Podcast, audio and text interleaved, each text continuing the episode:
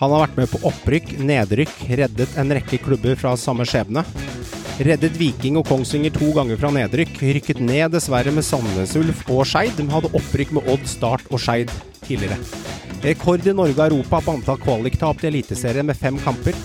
Utenom fotballen har han jobbet med håndball, hockey, salgsansvarlig, lærer, foredragsholder, portør og selvfølgelig fotballekspert. Han har gitt oss utallige vakre øyeblikk gjennom TV-ruta og på stadion med tiden. Ryktet sier at plassene bak innbytterbenken var alltid utsolgt når Tom Nordli kom på besøk med sitt lag. Han har 30 års erfaring fra toppfotball, tre til sammen 20 lag. Han er Kniksen prisvinner som årets trener, cupgull, seriesølv i bagasjen.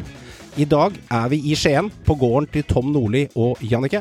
Vi har fyrt opp grillen, rigget opp utstyr og koser oss på denne herlige juledagen med godt vær. Velkommen skal du være til en ny episode av Synseligaen. Dette dreier seg ikke om taktikk. Det dreier seg om å ville ta ut det du har i magen. Dere er gode. Skjønn at dere er gode. David Hansen! Vålerenga har snudd det!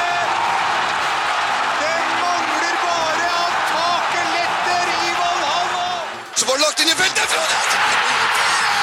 Det er 4-1! 88-55 på tavla! Frode Johnsen har skåra tre!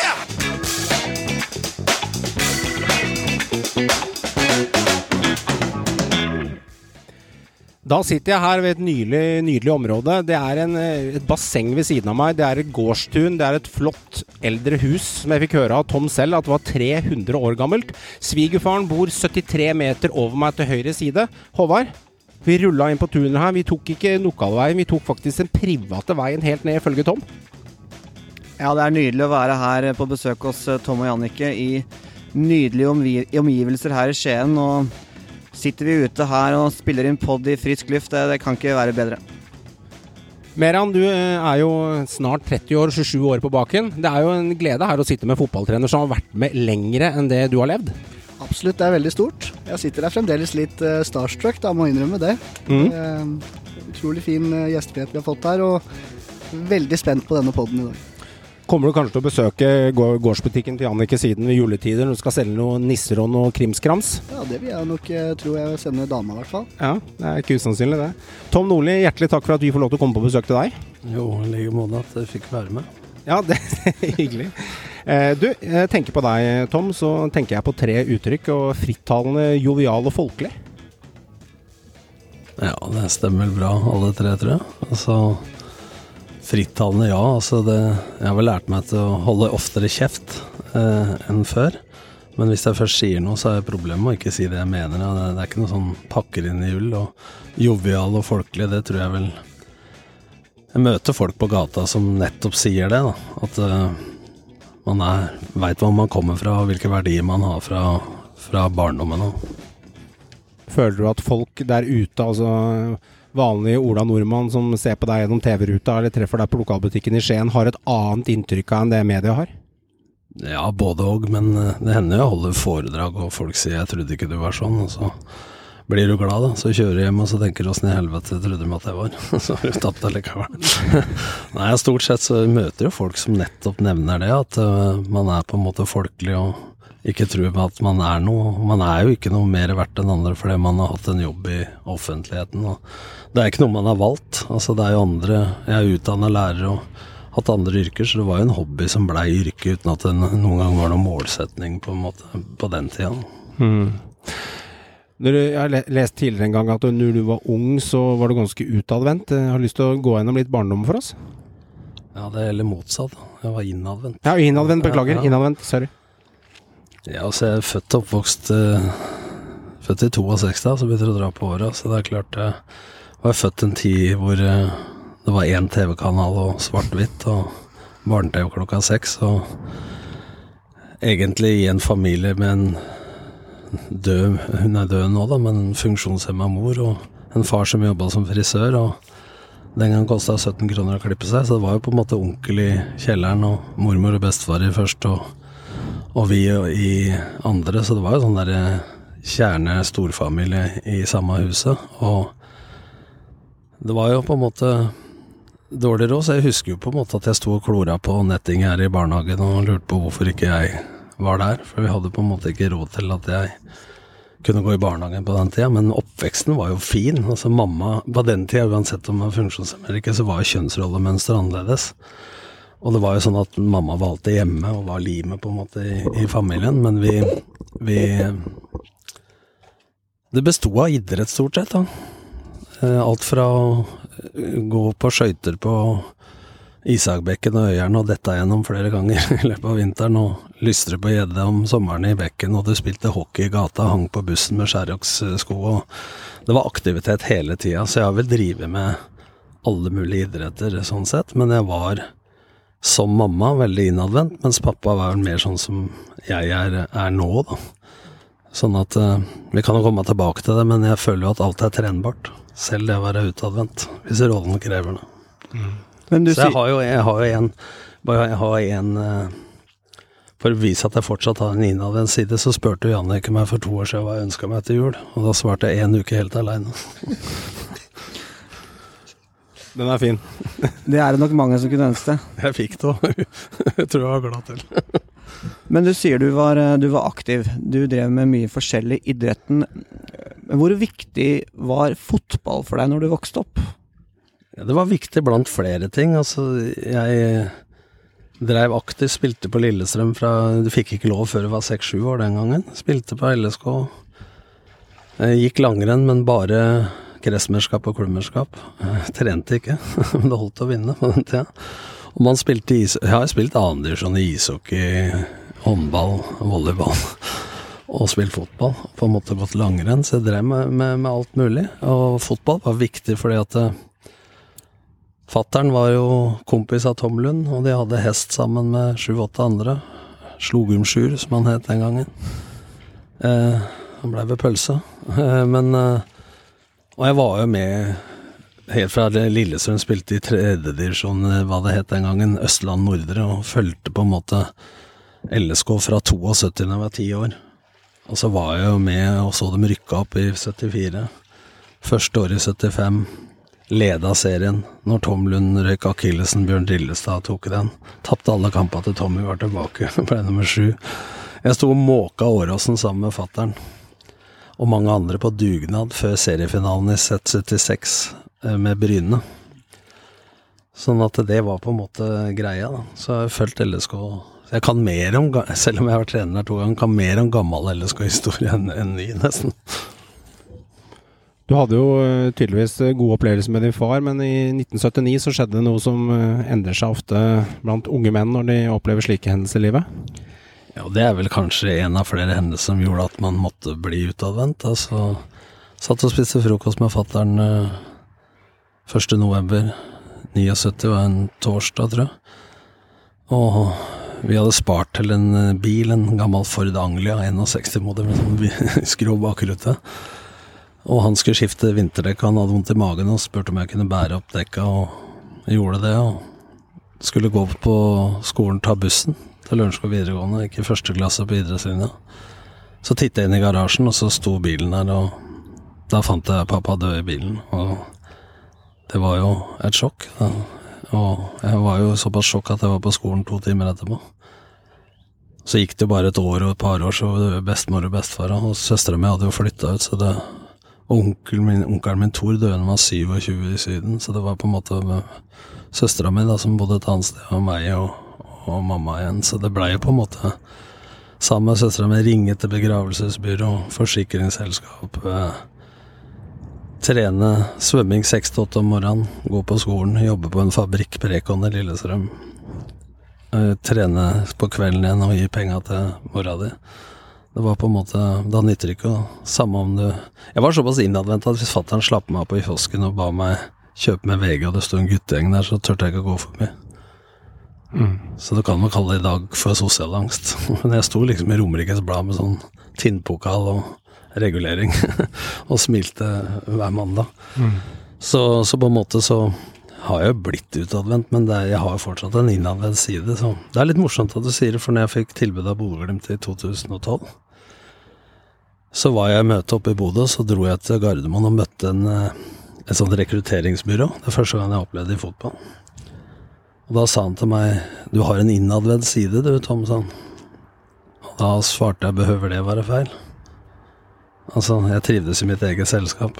Jeg spurte om å få en uke i fri aleine som julepresang. Så på en måte så tror jeg vi alle er både litt narsissister, innadvendte og utadvendte, og så er det jo mengden av det, på en måte. Og hva rollen du lever i, i krever, på en måte. Så det er nok litt annerledes en del av meg enn det som skaper klikk og, og mediebilde. Så den gangen det skjedde med deg i tidlig alder, fra på 17 år, øh, så ble det pressa fram at du måtte ta ansvar. Du sier ringe begravelsesbyrå, ta ansvar. Din mor. Eh, penga måtte samles inn fra høyre til venstre. Og det, det ble på en måte i livet ditt pressa fram at her, her måtte du opp i ringa, rett og slett. Ja, jeg tenkte jo ikke sånn da. Nei. Det var bare nødvendig. Men jeg har tenkt på det etterpå, at dette er hendelser i livet som kanskje gjorde at du forandra deg. Mm. Eller forbedra deg, eller hva du måtte kalle det. Så jeg ville jo ikke vært eh, Altså, fattern var fantastisk, og vi var kompiser, liksom. Men jeg var jo hos eh, legen med senebetennelse i skuldra, en svømmeskade kvelden før, liksom. Og kanskje han burde vært der og sjekka hjertet isteden. Så det var jo på en måte vi unga som var i sentrum. Så, men du hadde med deg en del verdigrunnlag da fra du var liten, på rett og galt og etikk og moral og, og sånne ting. Så det blir jo litt overraska i foredragssammenheng når jeg viser Atle Antonsen sin, sin eh, parodi eller etterligning av meg, Bruno Nordli, hvis noen vil google det. Vi har sett den. så Fin den. begynner foredraget med den, og så begynner å prate om oppveksten etterpå, så blir det litt kontraster. Tom, du har, eh, du har sagt en gang det krever enormt kunnskap å gjøre det enkelt. Mm. Hva legger du i det? Det var min reservepappa og mentor Frank Beck, som dessverre er død. og Dattera Gyrid Solveig Beck eh, har tatt over det. Han skrev en bok en gang som Det er meg det kommer an på. For å ta det, dere har sett gården her nå skjønner at det er ikke jeg som er interiørarkitekten eller håndverkeren, det er Jannicke som er. eh, hvis jeg skulle legge parkett, så må jeg kjøpe tre lass med parkett, og det er dyrt, for jeg kan det ikke. Men, eh, så det er billigere for meg å få snekkeren til å gjøre det, eller Jannicke. Men hvis du kan det, altså ting du kan, eh, så er det mange som kan mye, og kan veldig mye sånn Det ser vi på både fotballtrenere, leger, folk på TV og alt, som ve bruker veldig mye fremmedord. Eh, fordi at de vil eh, bevise alt de kan. Men eh, så skal du f.eks. i en podkast, eller du kommenterer fotball på NRK, så skal du formidle noe til Ola, Kari og tanta på Tveita. Da gjelder det å være enkel. Det er kanskje derfor folk har et jovialt eller folkelig inntrykk, da, for jeg har jo brei Lillestrøm-dialekt og på en måte Jeg sier ikke kunnskapsdimensjonen og kapasitetsdimensjonen, som noen trenere sier. Hva med blokkforflytning? Ja, men, eh, men det, eh, kunnskapsdimensjonen er eh, fotballforståelse, og det andre kapasitet er utholdenhet. Men på Lillestrøm heter det hvor mye skjønner og hvor mye orker du. Men jeg tror, jeg tror jo det på mange måter at både fotballfansen da, og Ola og Kari Nordmann, Nordmann jeg tror jo de fleste setter pris på at man faktisk kan være direkte og si ting litt enkelt, og ikke pakke inn ting i vanskelige ord. Ja, og det tror jeg man skal være litt klar over også når man enten man er lærer eller far eller ja, foreldre, eller eh, trener, så må man tenke på at eh, det er forskjellig utgangspunkt på de som skal høre på podkasten eller sitte og høre på treneren.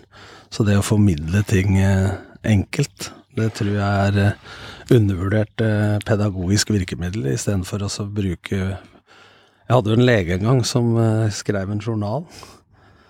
Og jeg har jo hatt latin på idrettshøyskolen og alt, men han eh, Jeg ringte til henne og sa at eh, det er noe blodprøver jeg ikke skjønner. Jeg har ikke tid til å snakke med deg, for jeg har en pasient, sa legen. Og jeg svarte at hvis du skriver på norsk neste gang, så slipper jeg ringe, så rekker du to. Ja, det er sant, det. Men hva tenker du av når du hører, la oss si eh, Høgmo, da, Uh, uttaler seg om blokkforflytning og diverse eh, ting som ikke kanskje alle skjønner, da? Hvorfor ikke si det enkelt? Jo, det er jeg enig i, men samtidig, jeg kjenner jo Per som en meget fin fyr og en dyktig fotballmann. Og vi var jo sammen på idrettshøyskolen, og han var jo en vitseforteller med groviser fra Han er jo morsom å høre på. Gratangen er en suveren fyr. Og så tror jeg når man forsker og lever i et sånt fotballmiljø, eller om det er leger eller hva det er, så må man kanskje være enda mer bevisst, både jeg og han, på hvem er vi snakker til når. Eh, Det tror jeg er et vesentlig poeng her, fordi samtidig så er det jo en del uttrykk eh, Nå er det jo spillesystemer som kalles for konvolutt og alt mulig rart. ikke sant? Og hvis man skriver Det er noen ganger jeg leser vårt eget blad, fotballtrener, må ringe til kollegaer og spørre hva det står der. Så jeg tror vi må passe på så vi ikke drukner og eh, vi, vi må passe på at når er målgruppa smal med fagfolk, og når er målgruppa folket? Som det er noe som f.eks. hører på dette. da. Det tror jeg Men det krever litt å være bevisst på det. For jeg har også jobba på TV og sagt ting som jeg tok som en selvfølge at folk eh, Førsteforsvarer, bakrom osv. Så, videre. så når jeg på NRK begynte å forklare hva det var, så sier fotballfolk Vi skjønner jo det, da. Ja, men at det, det er ikke sikkert at alle som sitter hjemme Altså, det var 1,5 millioner som hørte og så på EM-finalen i 2016. Jeg tror jeg fikk 1500 Twitter-meldinger og SMS i løpet av finalen. Da er det kanskje 1,4 millioner som har potetgull og en cola og en øl eh, i sofaen. Og så er det 100 000 som er eh, nerder eller faglige folk. Men det er de 1,4 jeg snakker til da. Ja. Men hvis vi hadde vært på et seminar i Fotballforbundet eller blant uh, prolisenstrenere, så snakker du kanskje litt annerledes, da. Men jeg tror når du snakker til spillere da, så blir det en sånn mellomting. For det er like stort spekter av den spillergruppa som sitter der, som, som i samfunnet ellers, da, av forskjellige mennesketyper. Innadvendte, utadvendte, intelligente, mindre intelligente osv. Er det mange trenere versus ledere i Eliteserien? Altså, nå tenker jeg mer på mangel på konkret og tydelighet, hvis du overfører dette her til eliteserietrenere. Jeg tror alle vi oppfatter at vi er eh, konkrete og tydelige i hodet vårt. Men uh, åra har vel lært meg at det er mye jeg har ment som har blitt oppfatta helt annerledes. Så jeg tror at vi som budbringere og formidlere av et budskap har større ansvar enn den som skal ta imot. Og det tror jeg er en sånn bevisstgjøringsgreie som vi, vi alle må, må ta inn over oss. Da. Så jeg tror ikke vi skal være redd for å være litt sånn Heller litt mer eh, over til den folkelige sida, da. Eh, og ikke tro at eh, Vi blir ikke noe bedre på pasningsspill av fremmedår. Vi blir heller ikke noe De fleste laga som bygger ny stadion, vet du, pleier rykkerne. Vi blir ikke bedre på pasningsspill av nye seter heller, så det er lett å miste fokus. Når det gjelder dere trenere da, Tom. Er det for mange trenere som er eh, eksperter på unnskyldninger? Er det, bør det være Kan du kalle en spade for en spade, liksom, litt oftere? Ja, det tror jeg, og der har jeg tatt meg sjøl mange ganger òg. Men jeg påstår at Geir Bakke og jeg og et par til er Jeg i hvert fall får høre av folk at de har sett ofte samme kampen som oss. Og jeg tror at innad i spillergruppa så kan du godt snakke om målsjanser og, og du kan snakke om uh, hva som var bra i spillet osv. Men når du prater til supporterne, så tror jeg det altså Men samtidig så går det ei grense for å legge seg flat hver helg òg, da. At det er mitt ansvar å unnskylde, og er, jeg står i vinden osv. Så, videre. så Så det er en balanse, det òg. Men jeg tror på en måte at eh, jeg har helt heller andre veien, at jeg kunne vært litt mer fornøyd i plenum. eh, altså ut til folket, for at det skal jo litt til at jeg blir fornøyd. Så det var jo sånn en periode at når jeg holdt kjeft, så var jeg fornøyd, og når jeg var misfornøyd, så sa jeg fra. Så jeg prøvde å vende litt på den greia der. Så, så jeg tror det at eh, ja, Uten å nevne navn, så har jeg jo hatt trenere som på en måte har tapt sju-åtte kamper på rad. Som har sagt vi er bedre enn resultatet tilsier. Og så vant de den åtte, åttende kampen, og så sier de nå er du fornøyd. Nei, vi har vært bedre de åtte andre ganger. Men hvis du ikke kan være glad én gang av åtte da, som trener, altså hvis det er bare dem som vinner medaljer og rykker opp som er glad, så blir jo dette et jævla traurig yrke, tenker jeg da. Så det, jeg tror man må prøve å balansere det, litt. så både jeg og andre har mye å gå på, men det, det er eh, snakk om bevisstgjøring og litt coaching, og jeg tror ha noen å snakke med, og kanskje lytte litt på hva du sier innimellom, og ta imot tilbakemelding, tror jeg er lurt. Ja, litt med oppgitte sannheter, eh, Håvard og Meran. Jeg følger med på ski på vinteren. Og sitter og ser på skiskyting annet, så snakkes det ofte om at du, hvis du kommer eh, på bortebane i Tyskland, så lønner det seg noen ganger å, å være fra et annet land enn tysker når du skal skyte på standplass, fordi presset på hjemmebane er så enormt for uh, tyske skyttere.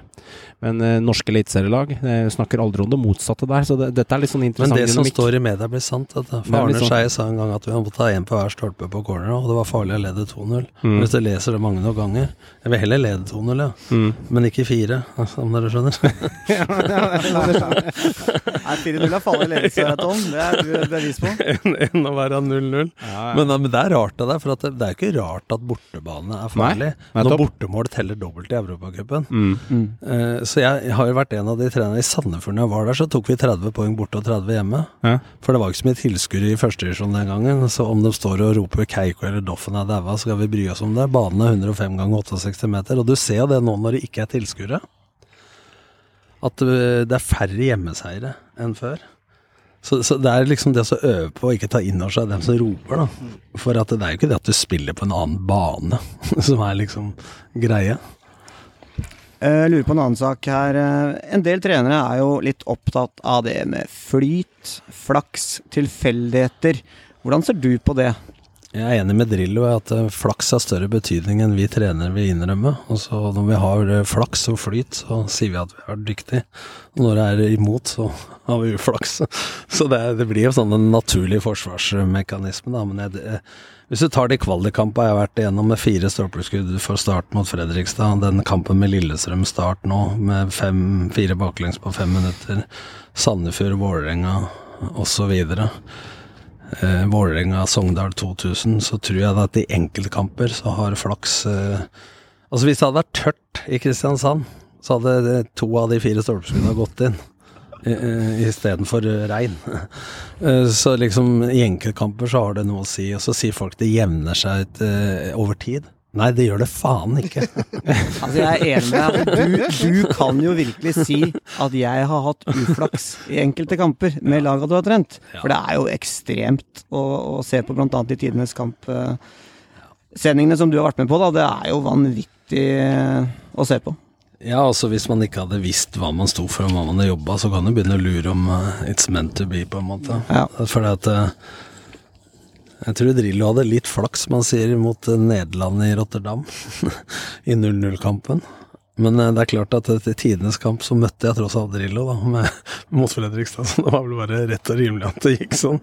Men han er jo en av dem som sier altså det samme som meg, at det har mye å si i, i enkeltkamper, men over tid så er det selvsagt resultater er en konsekvens av arbeidet over tid. Så dårlige resultater kan være tilfeldige på kort tid, og gode resultater kan være tilfeldige på kort tid. Men over langen så er det jo et resultat av hvordan man gjør arbeidet. Men i enkeltkamper som kvalik og sånn, så tviler jeg på det.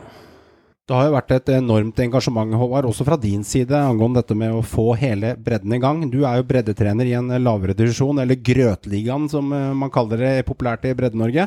Kan du starte hos deg, Sagmoen, og hvordan du har kjent dette på kroppen?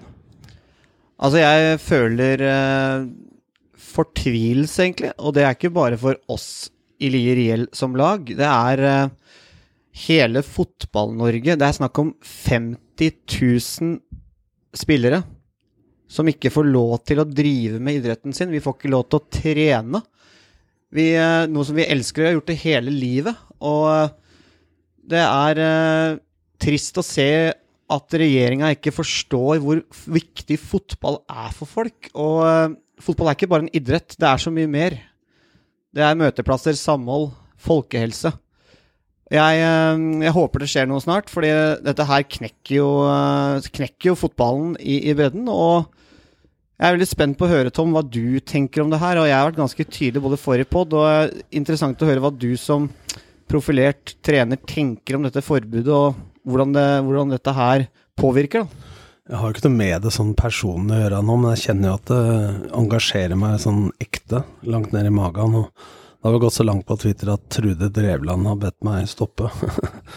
men jeg føler at jeg har vært saklig. For, for meg så blir det eh, Jeg skrev at eh, fotballen har den strengeste smittevernsprotokollen. Til å begynne med så kunne ikke toppfotballspillere hente sine egne barn i barnehagen osv. Så, videre. så er det noen som svarer at eh, helsepersonell har strengere. Ja, selvfølgelig, men det er jo ikke det jeg sammenligner med. Jeg sammenligner dette med rekkefølga kontra pub, restaurant, solarium, helsestudio, køer i fornøyelsesparker, reise til Europa eh, nå. Så da skjønner jeg at dette er vanskelig, fordi det dreier seg om økonomi, arbeidsplasser, og det dreier seg om eh, politikk, dette til slutt.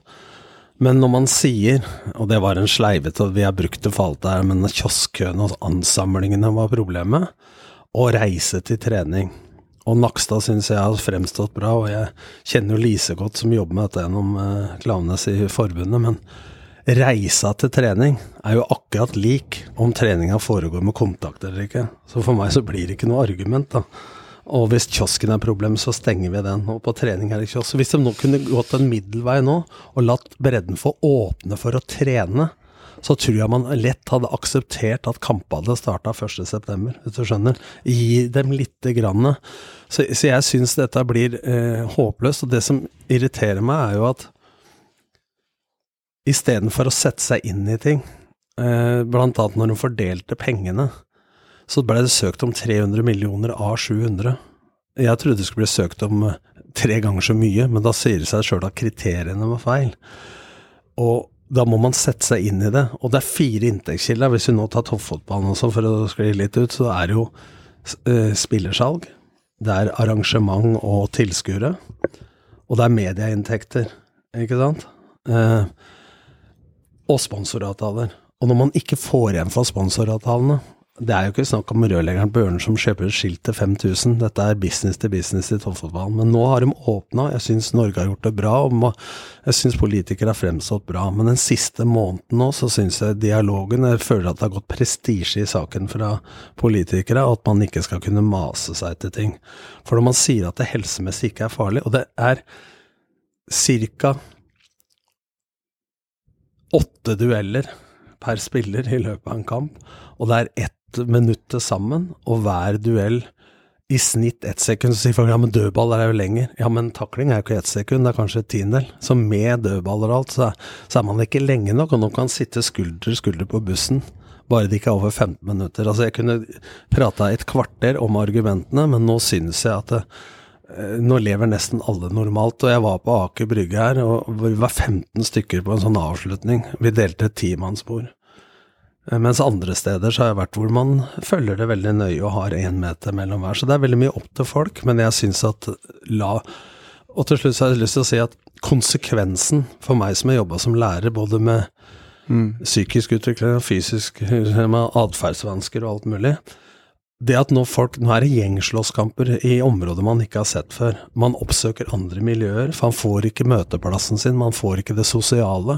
Man får ikke en stamme, holdt jeg på å si, altså en tilhørighet til en gjeng. Altså Jeg har jo jobba med folk som tidligere rusmisbrukere, altså, som har brukt på en måte sko eh, skole og idrett. Og jeg har vært med på å spille inn en pilot eh, for November Film, hvor noen sa som aldri hadde hatt ID-kort som fikk være med i, mm. i sånn mesterskap for tidligere av hjemløse rusmisbrukere, så han fått eh, ID-kort. Så var det det største han hadde opplevd. Altså, nå drar jeg det langt, men altså, konsekvensen får du igjen i helsebudsjettet på andre sida, hvis det er økonomi vi mm. snakker om. Så jeg tror dette dreier seg for de som tenker fotball er ikke det viktigste i livet. Vi snakker faktisk ikke om fotballen og putte ballen i mål, man snakker om psykisk og fysisk og sosial helse for meg. Og disse orda du sier, det, det, er jeg fullstendig enig i. Og jeg synes det er bare trist å se liksom at fotballen og bredden da er plassert sist i køen. Det trodde jeg faktisk ikke de kommer til å gjøre. At det, det er jo noe de, de, de, poengterer ofte at bredden er viktig, og frivillighet og aktivitet. Det er jo tydelig, da. Det er ikke viktig nok. Det er andre ting som kommer foran. Og hvorfor det er sånn, det er jo ikke noen gode argumenter lenger. Men de er ganske flinke til å gratulere olympiske mestere oh, ja. og politikere og sende sånn. Eh, men jeg, dette er faktisk et bevis på at vi trenger en egen idrettsminister ja. og en egen kulturminister. For kultur, hvis ikke idrett er kultur, altså, så er andre deler av kulturen enn idretten også også veldig viktig, som jeg føler at jeg kjenner mange innenfor musikk og alt som har blitt eh, sjalta og valta med, med på, på, på, lik måte.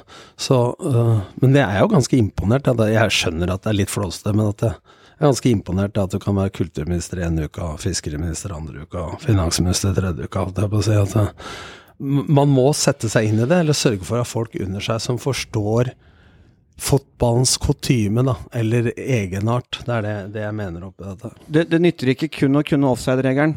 Eh, eller, eller, eller, eller, aldri ha drevet med, med, med fotball, uh, fotball, selv og har noe erfaring. Det er helt enig, Vi trenger en eget idrettsminister, og dette her er det Men det- tydelig svar Men. Håvard, dette dreier seg egentlig ikke om offside-regler og spilt fotball. Nei, nei. Dette dreier seg om å sette seg inn i klubbdrift, f.eks. med de økonomiske støtteordningene. Det dreier seg å sette seg inn i tilhørigheten. Altså Hvis du leser Ona Fyr, gamle boka til, Det var derfor jeg nevnte stammekultur med Ingebrigtsen Jensen, så handler det jo faktisk om identiteten, å være med i et miljø osv., som man ikke skal undervurdere.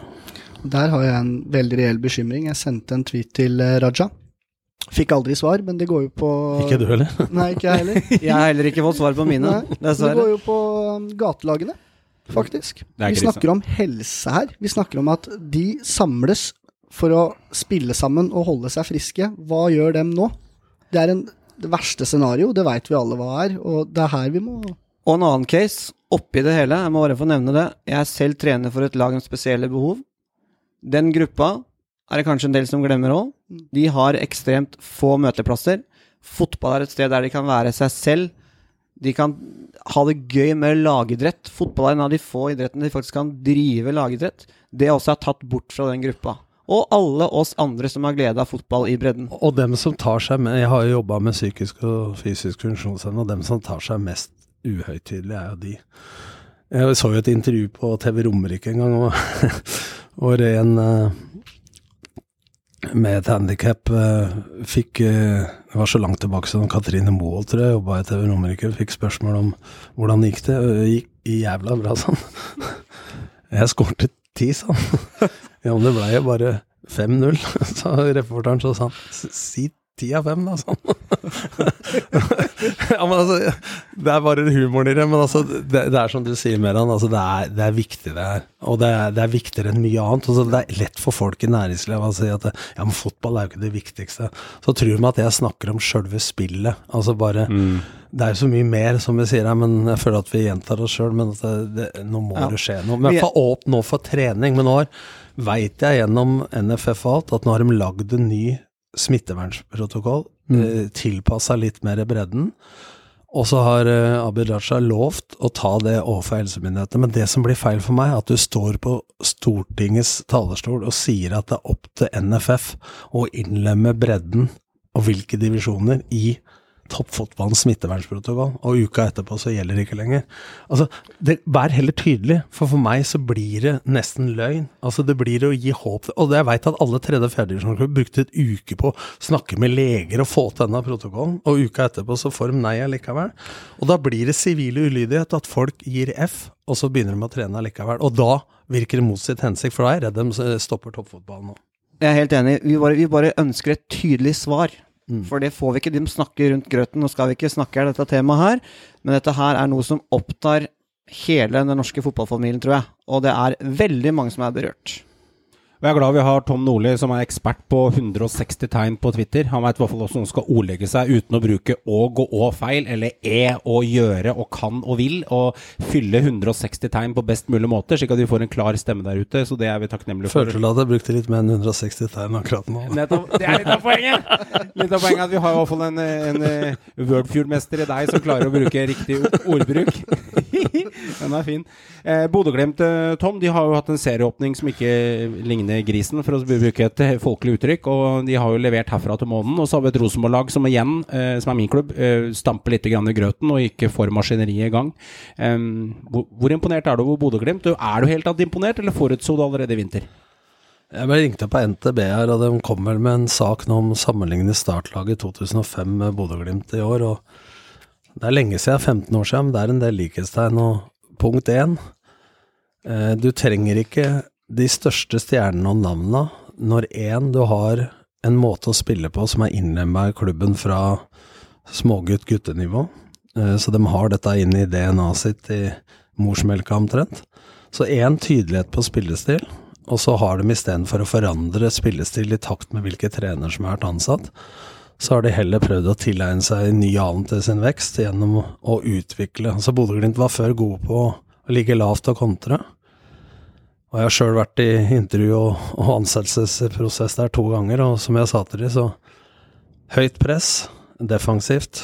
Eh, det å kunne bli bedre i angrep mot etablert forsvar og føre kamper og dødballer bør være på agendaen, og det har de absolutt eh, tatt tak i. Og Nummer to er spillelogistikk. Det er mye lettere å rekruttere spillere og utvikle spillere innad i klubben, i nærmiljøet og utenifra, når rollene er så tydelige. Altså, de veit når de skal hente snekkeren istedenfor rørleggeren.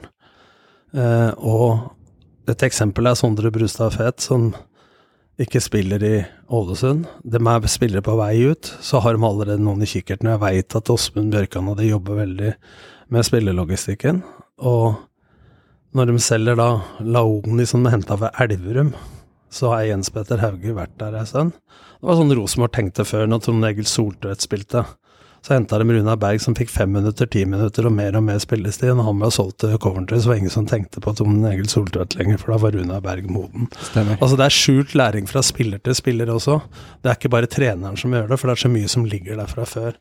Så det, det er imponerende. Og for å si det sånn, da, altså, så sier alle Jeg hørte på poden deres, for å ta det, at eh, Rosenborg kan ikke spille den fotballen. Så Kjetil Knutsen kunne ikke trent eh, Rosenborg fordi at eh, de har ikke spillere til det. Og da kan vi, hvis vi har tid, da, ta den øvelsen, da. Byt, vil dere ha bytta, dere og lyttere, André Hansen mot keeperen som jeg ikke husker navnet på, i Bodø-Glimt? Smiths. Vil du ha bytta Hedenstad slash Reitan mot uh, Hva heter han? Ørebeggen? Samsted. Alfons. Vil du ha bytta Tore Reginiussen med Brede Mo? Vil du ha bytta Even Hovland eller Valsvik med Lode? Vil du ha bytta Anders Tronsen med Bjørkan? Sikkert mange på, på lang sikt, men på kort sikt. Vil du ha bytta Siljan med, med Patrick Berg? På sikt, ja. Kanskje ikke med en gang. Vil du ha bytta Sondre Brustad Fett mot Anders Konradsen, som kommer til å spille der? Og vil du ha bytta Saltnes med eh, Zakariassen? Vil du ha bytta Børven med Junker? Vil du ha bytta Hauge med Seide eller eh, Adegbenro? Og- vil du ha bytta Helland mot eh, eh, Sinkel. Sinkernagel. Så kommer jeg tipper at de fleste havner mellom én og tre spillere. Som de kanskje ville ha tatt med fra Bodø-Glimt på kort sikt, kanskje noen flere på lang sikt. Mm.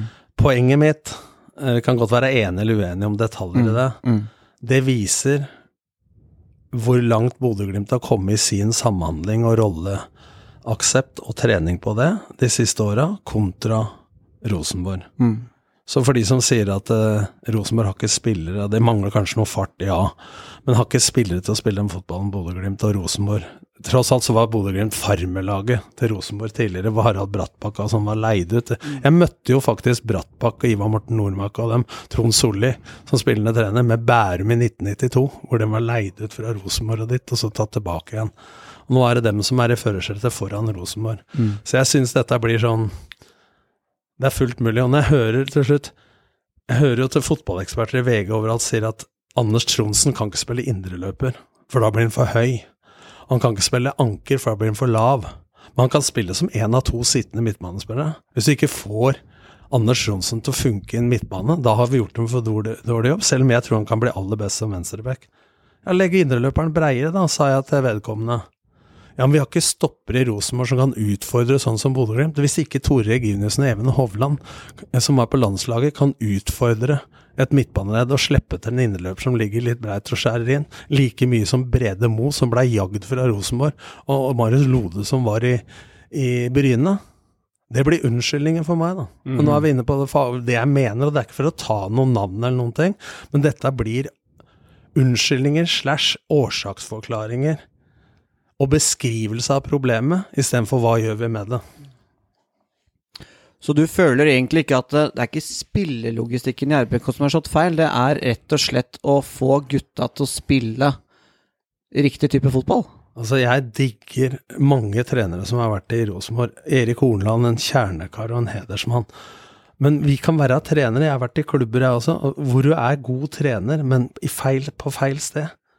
Så hvis klubben sier at vi skal spille den og den type fotball, så må de ha en lærer som kan matte, hvis det er matte vi skal undervise i, og ikke historie. ja, men skjønner du? Altså, Hvis dassen min ryker, så ringer jeg til rørleggeren, ikke til snekkeren. Altså, jeg mener at det, da må man være like dyktig på å hente trenere i forhold til en filosofi, som å hente spillere, som Bodø-Glimt hentet Sondre Brustad Fett, for å ta et eksempel.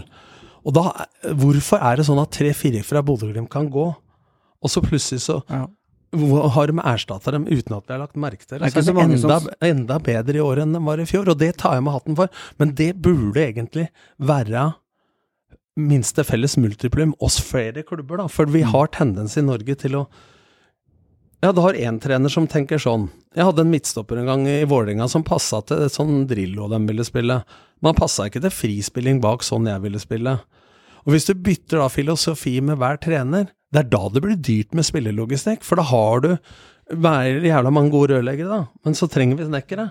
Ikke sant? Altså, da blir det dyrt. Der så gjør Bodø-Glimt De rekrutterer billigere spillere og riktigere spillere. Og det kan jeg sammenligne, for, for å skryte litt, hva vi gjorde i start i 2004, 2005 og 2006. Blant annet litt i Lillestrøm 7 og 8, i Odd ikke minst, 98-99. Men føler du da at klubbene rundt der og, og sportsledere er for opptatt og hengt opp i navn, og ikke at spilleren skal passe inn i spillestil? Ja, det mener jeg. Dette er et eh, Det er jo, må jo være da en uting, Ja, er- og, og, ikke minst kostbart. Ja, og det er begge deler. Og det er eh, lederproblem, etter, etter min mening. Fordi at eh, man må se på rolleferdighet. Hvis, men det finnes jo klubber som ikke er så strukturert. Altså, når jeg sier spillestil, så tror alle jeg snakker om 4-3-3 eller 4-4-2. Det kan være forskjellige tallkombinasjoner, men for meg så er spillestil hvordan man angriper og hvordan man forsvarer seg. Det andre er en tallkombinasjon. Jeg skulle gjerne spilt noe annet enn 4-3-3, men jeg, hvis jeg må velge mellom to sentrale eller tre sentrale midtbanespillere, så lander jeg på tre. Derfor så blir det sånn, f.eks. Jeg som Rosenborg-supporter har jo Det er mange Rosenborg-supportere ute som har samme oppfatning. Adeg Bendro, eksempel. Vi vet jo hvilken gudegave han er én mot én, og hvilken individualist han er. Han har gjort mye bra, men å se han mislykkes uke etter uke med det repertoaret han sitter inne med, så går det fire uker, leverer ikke målpoeng, og så er det en skade på ankelen, og så er det ute to uker, og så må noen annen overta. Samhandlingen hans og forståelse av spillet, altså eh, det er krise. Er det krav og forventninger fra trener Tom som eh, mangler, eller er det ledelsesstyrt at man ikke får det? jeg kjenner ikke det? internt, men ta et eksempel Alex Valencia, da, som har kasta etter meg fra laget til Håvard her, Brann. Ja. Ingen hadde, Hører det, Håvard?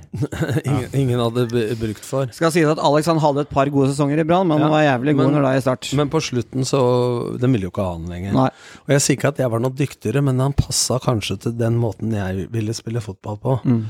Ikke sant? Altså, for han hadde rolleferdighet. Og så er det sånn at hvis du har det potensialet som Adegbenra, da, og ikke får det ut, så må du enten kvitte deg med noe eh, og ta noe annet. Men Mm. hvis dette arket til Håvard her, da, er ramma på et maleri, så tror alle at jeg har sånn spillestil at eh, alt er tegna på forhånd. Men ramma kjøper jeg, og så får du lov til å eh, male Mona Lisa eller med dine ferdigheter, Meran, så blir det vel bare helgen, eller Skrik, for den saks skyld. Eller Peppa Men hvis du, hvis du søler litt på kanten av ramma, så får du lov til det. Men hvis du maler utafor ramma, så kommer jeg og tar deg. Det vil si at innafor er ramma en spillestil, så er det stor kreativitet som er lov. Mm. For jeg tror Rosenborg spilte annerledes med Gøran Sørloth enn med Harald Martin Brattbakk som midtspiss. Eller Jon Carew. Men spillestilen var den samme. Men du må greie å sette spillere i situasjoner de får brukt sin beste spisskompetanse, altså sin beste ferdighet. Og så må du se hvem som er god, og for deg som Rosenborg-supporter, og vi som er litt eldre. Eldre? Når Ben Skammersrud spilte sentral på midten, Ja. så hadde han en relasjon med Mini. Mm. Den, når den relasjonen Han ene starter i bakrommet, han andre slår pasninger, så er det en relasjon. Når den fungerer i praksis, er det en relasjonell ferdighet. Men når Kent Bergersen kom inn Det er en grunn til at Leo spilte innafor Mini. Nei, eh, Kent Bergersen. For han ene møtte og ville ha ballen i beina, andre gikk i bakrom. Men når Kent Bergersen kom inn, hvis Ben Skamme skulle slå løpeballer på han Kent Bergersen han dribla tre mann i en telefonkiosk, men han hadde forskjell på jogg og spurt var han om beit sammen tenna. ja, men skjønner du, altså, du må vite lagkamerata sine spisskompetanse, ikke sant? Så nå kommer Kent inn, han skal ha ballen i beina. Mini, han skulle ha han i bakrom, for eksempel. Adek Benro skal ha ballen sånn. Helland skal ha ballen sånn. For å ta et eksempel til slutt, da. I start så hadde jeg Doffen Hestad. Han burde ha spilt innafor Alex Valencia, for Doffen går ikke i bakrom, Valencia ville ha han i beina. Men jeg syns Valencia hadde fart. Jeg øvde mye på at Valencia skulle gå i bakrom. Så burde egentlig Strømstad ha spilt innafor Stefan Berlin eller Jon Mittenli. Men så hadde Strømstad og Valencia så god kjemi at jeg måtte legge bort min teori og planen i hodet, og akseptere at de har noe sammen. Og så måtte jeg heller prøve å utvikle den relasjonelle ferdigheten dem imellom. Og sånn tror jeg Rosenborg på sitt beste, Bodø-Glimt, andre lag også, da bør ikke ha den spillestilen som Rosenborg og Bodø-Glimt var, men uansett spillestil, så må treneren vite hvorfor de gjør øh, det de gjør, og ansette folk etter det. Stig Mathisen i gamle dager, i mer ekstreme Drillo, de skjøt jo utafor på vilje hvis sjansen for å score var mindre enn 70 for da ble det ikke kontring, da ble det femmeter. Hei, Vegard Hansen fra Mjøndalen her. Har du lyst til å vite hva som skjer i Eliteserien, og litt hva som skjer mellom rundene, lytt til Synseligaen. Podkast av fans for fans. Vi høres. Sagmoen, vi har hatt noen fantastiske øyeblikk med Tommetiden. Han har vært med i fem kvalikkamper. Han har ikke tatt knerten på noen av dem. Han har rykket opp med lag, og han har noen øyeblikk hvis du søker på Tom Nordli på eh, nettet, både på YouTube og på visse fotballkanaler, TV2 Zoom annet, som er ekstremt uh, underholdende. Hva er ditt uh, beste minne, Håvard, hvis du skal se tilbake, om det er et nedrykk eller opprykk eller medalje eller hva han har vært med på? Hvor, hvor er det du føler at shit, dette har du sett x antall ganger? Altså, mitt sterkeste minne med Tom Nordli, det Og den karrieren du har hatt, det må jo være faktisk den kampen i Valhall med Enga mot uh, Sandefjord. Det, den ramma der inne i Valhall, den derre Altså, den elektriske stemninga som var i den hallen, og den det nevner jeg igjen, tidenes kamp. Gå inn og se det hvis du ikke har sett det. Vanvittig kul, kul sending der. Eh, det må være for meg det sterkeste, og, så har du jo selvfølgelig, da, herregud, drama i Kristiansand. Det er jo ekstremt når, når, når Dagfinn endelig Det som skjer med Dagfinn der, og, og, og disse tre-fire stolpeskudda dere har Altså, det var på en måte Det var ikke ment to be, Tom, at dere skulle vinne serien. Nei, og historia rundt Valhall som ikke alle kjenner til, var jo at den gang daglig leder i Sandefjord vi spilte jo hjemmekampen på Tønsberg kunstgress, for det var ikke varmekabler på storstadion i Sandefjord før det komplett, eller hva det heter, Sandefjord Arena kom. Spilte 0-0. Rune Pedersen sin siste kamp som dommer. Så ringer Vålerenga til daglig leder i Sandefjord og spør kan vi spille i Valhall istedenfor på Ullevål. Og apropos daglige ledere da som ikke er så inne i sport, svarer jo ja, det er greit, uten å spørre meg. Og de hadde 64 kamper på rad i Valhall uten tap, på kunstgress. Så du kan si at jeg blei litt uh, fyr i, på bollet da. Du var ikke veldig happy med det? Nei, og jeg uh, skulle jo Hadde jo sagt fra et halvt år før, uh, blitt enig om at ikke jeg skulle fortsette. Men du kommer inn i Valhall med 9000 tilskuere, det var jo bare ståplasser. Og jeg måtte ha ark for å vise åssen vi skulle spille, og der satt jo Petter Myhre, Geir Bakke Andreas Holter på benken til pluss Reka, som jeg hadde trent i Vålerenga. De andre hadde jeg trent i Strømmen og Skjetten osv. Eh, alle kamerater hennes satt der. Og de prater om i Molde at de blei sure når eh, Rosenborg sang 'Hater, hater Molde by' og krenking osv. Når jeg kom inn i Valhall og veide 125 den gangen, så satte de på Ole Ivars 'Nei, så tjukk du har blitt', og da dro jeg opp genseren og satte frem magen. Så hvis jeg ikke hadde tatt det sånn, så kan det jo hva var forskjellen? Men, men, det var elektrisk, og vi blei jo Skulle vært eh, rødt kort på felling av Samuel Isaksen, det skulle ikke vært annullert på Trym Bergman osv. Så videre, så Noe av det sjukeste er jo Øyunn Boltoft der, som sparker ballen rett i Fredrik Thorsen. Er det magic han ble kalt? Mm. Og så Det skulle jo vært mål, det også. Ja, Istedenfor så må han stå over da første serierunde, for han fikk jo rødt kort. Han stå første serierunde i Adecco-ligaen, som det het, året etterpå. Istedenfor å så bli ja. opprykkshelt. det, det, er kontraster. Ja. Og det var, det, det var mål. Altså, jeg har sett den så mange ganger. Og det, det, er så mål, det. Men der satt altså alle dommere Altså Rune Pedersen hadde dømt første kampen. Alle, dette var jo den gangen seint, for det var jo første advent. Eh, så alle dommerne skulle på den årlige turen på dommerkurs. Så alle de beste dommerne den gang, Tom Henning Ørbø, alle satt jo på tribunen. Og den lavest rangerte dommeren, Ditlevsen, dømte mm. den kampen. Mm. Og Jon Fredriksen etterga 64 millioner i gjeld rett etter de hadde greid det. Hvis ikke så hadde de gått konk. Så det sto mye på spill. Eh, og, men jeg syns jo personlig at den kampen LSK Start i år og, og ja. Fredrikstad For det gjaldt opprykk for, eh, eh, for eh, Sandefjord, da. Når du kjemper om at sånn som Lillestrøm, at du skal ned, eller om gull med start, så er på en måte konsekvensene mye større, da. Selv om dramaet var stort. Men, men den, altså ta oss litt gjennom den, altså den sesongen med start. Altså Dere var nyopprykka, dere spilte champagnefotball. Hele Kristiansand venter på det seriegullet. Dere kan avrede det på hjemmebane. Altså Det ligger så til rette. Hvordan var det der antiklimakset der, eh, Tom? Det er litt spesielt, for i 2004 så De første spillerne vi kjøpte, var Glenn Andersen og Kai Risholt. Og ikke noe forkleinelse, gutta, men det var jo ikke på øverste hylle. eh, og vi hadde Men vi gikk igjennom, eh, etter å ha blitt nummer ni året før, og tatt tre ganger på Mandalskameratene, så spaserte vi gjennom førstedivisjon. Og vi beholdt nesten hele laget året etterpå. Henta vel inn da Joey Hardarson midt i første sesongen. Årets starttrener, det. Ja, og henta jo inn uh, Toddy Jønsson etter hvert. Så, og Stefan Berlin, ellers så var laget likt. Og det var 18 sørlendinger, og 11 hadde spilt juniorfotball i start. Og vi hadde 8000 tilskuere i snitt i første divisjon, og 10 008 på gamle Ja, det var Kristiansand eh, gamle, gode tider. Så det som var litt spesielt, var jo at vi greide å lage profiler, Doffen og Strømstad osv. Og, så videre, og det blei sånn at hele Norge holdt med start foran Vålerenga, faktisk. Altså de som ikke holdt med noen av laga, holdt med oss. Men så var det jo ingen av laga av oss og uh, Vålerenga som vant noen av de fem-seks siste kampene. Så Lyn holdt på å ta oss igjen. Det virka ikke som at noen hadde lyst til å vinne på slutten der. Nei. Men, men det er jo sykt, da, når du i tredje siste kamp Nei Jo, tredje siste kamp mot Ålesund hjemme. Så får du straffe imot med Marius Johnsen, og du får straffe imot ett minutt ut i annen omgang med Atle Roar Haaland, som ikke hadde noen kort, feilaktig, og rødt kort. Vi ligger under 4-2 med ti mann. Utligner til 4-4 på overtid.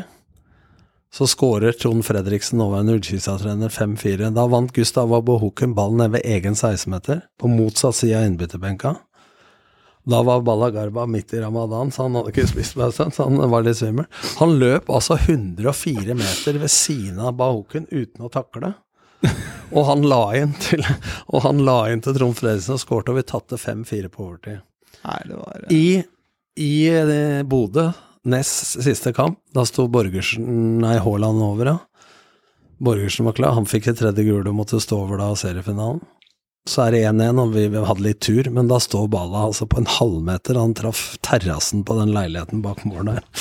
Og så har du siste kampen hvor du kan greie deg med uavgjort hvis Vålerenga spiller uavgjort.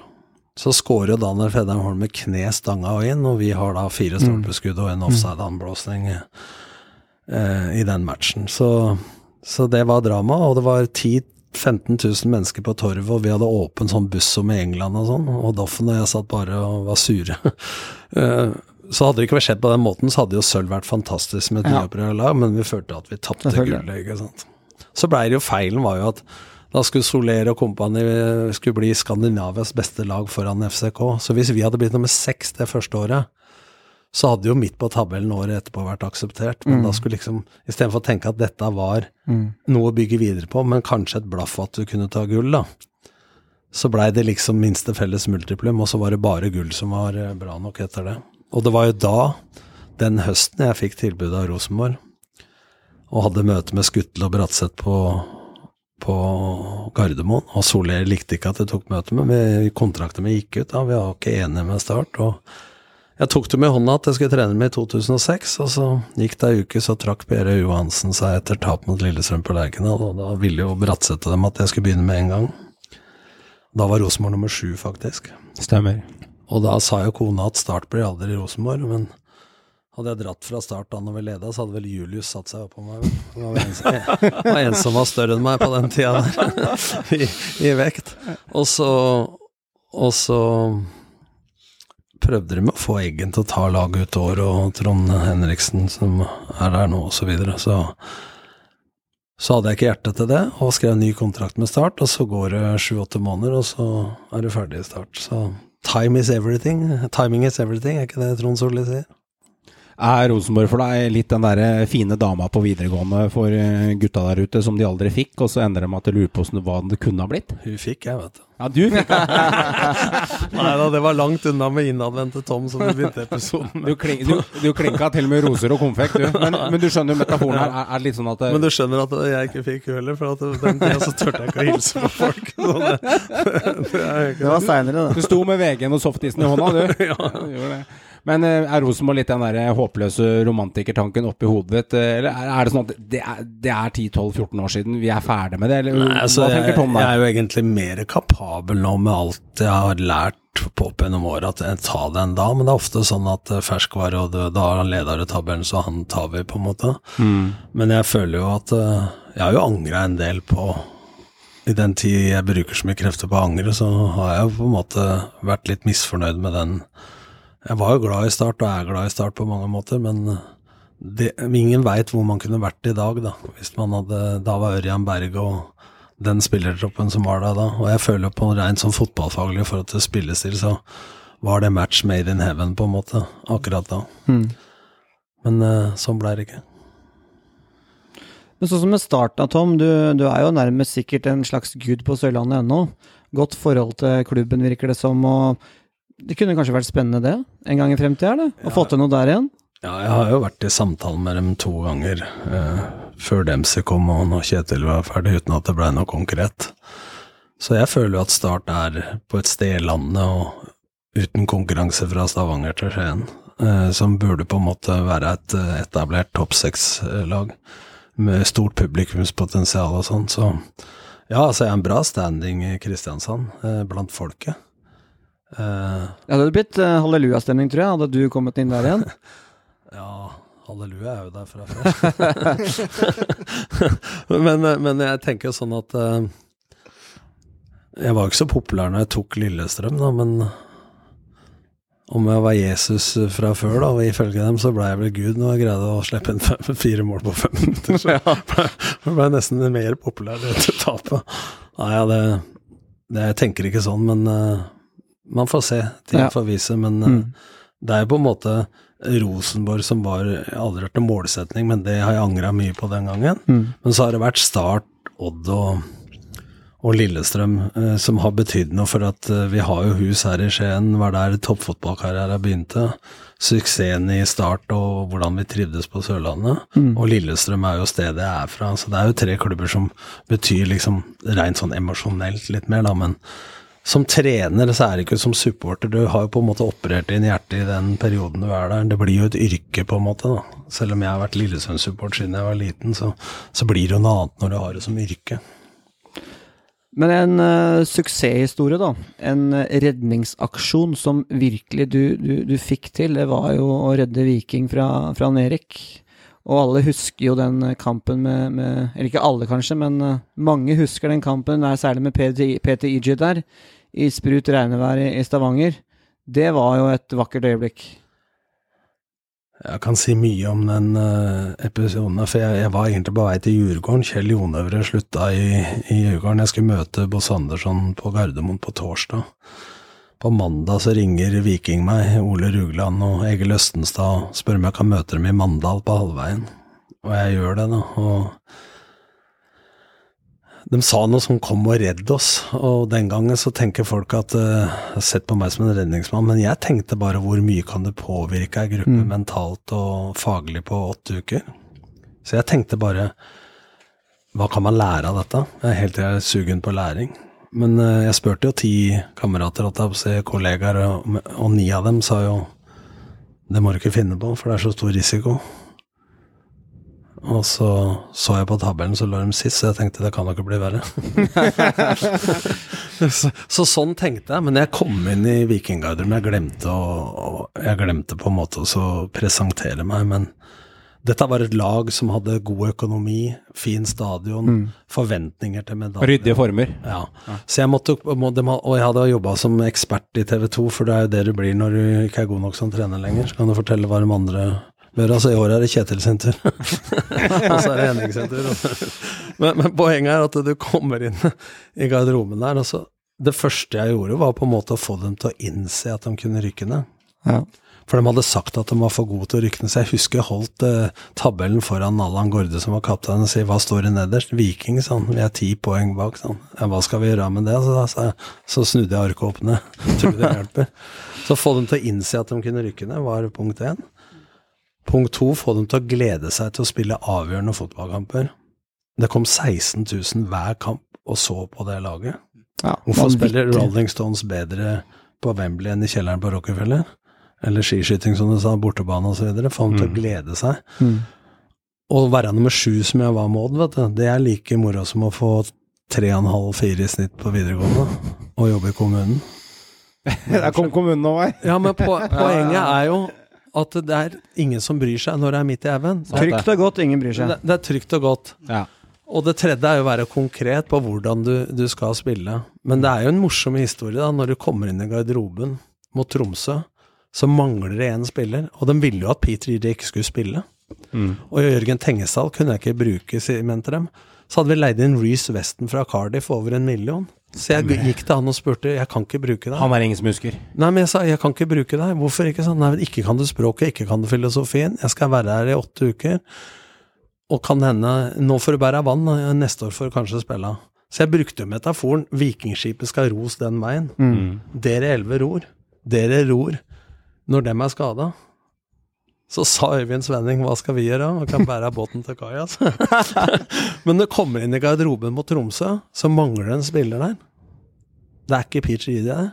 Så han står inne i trenergarderoben. Første klubben jeg hadde vært i. var hadde trenergarderobe. Jeg var jo marmor på vegga til og med. Jeg var vant til rotter og Så sto han og spilte Bob Marley 'Could You Be Love For Me' og vaska rastaflettene sine. Og sa jeg kan ikke spille annen omgang, for jeg er ankelskada. Og jeg sto inne i dusjen med en altfor liten treningsdress. Hvis du googler, så står jeg med potetgullpose i hånda og magen utover. Så står jeg Can you please play 15 minutes for me and the club, and you get Monday and Tuesday off. Han skårte etter 18 minutter, bare bytta at vi vant 1-0. Men du skjønner hvor mye du skviser, da. Så lager han jo fire mål og et skjærmål da i, i den siste kampen, så det er klart at det, det var heftig. Det var heftig. Jeg som Brann-fan husker også den kampen. Ja, verst hadde at de sa Brann la seg, men de var jo rundspilte oss første 20 minutter. Ja. Det gjorde de. Jeg husker Ja, matchen. ja, så det, jeg tror ikke de la seg. Så det Ja. Altså De matchene der, eh, eh, som vi snakker om i tidenes kampmatchene, det er, det er nesten litt sånn at det, Du snakker om sånn Jesus på Sørlandet, Håvard. eh, Ditt stikk til Tom der. Det, det, er, det er Gud på Sørlandet. Det er kun Jesus og Ramsland som er stor på Sørlandet. Og så Men så er jeg ateist, altså. Ja, det går bra. går- Men, men, men når jeg ser disse tidene Ramsland, han er glemt, han nå. Ja, han er glemt ja. Men eh, når jeg ser disse matchene, eh, når du går gjennom de, så er det, så det er nesten sånn euforisk over dem.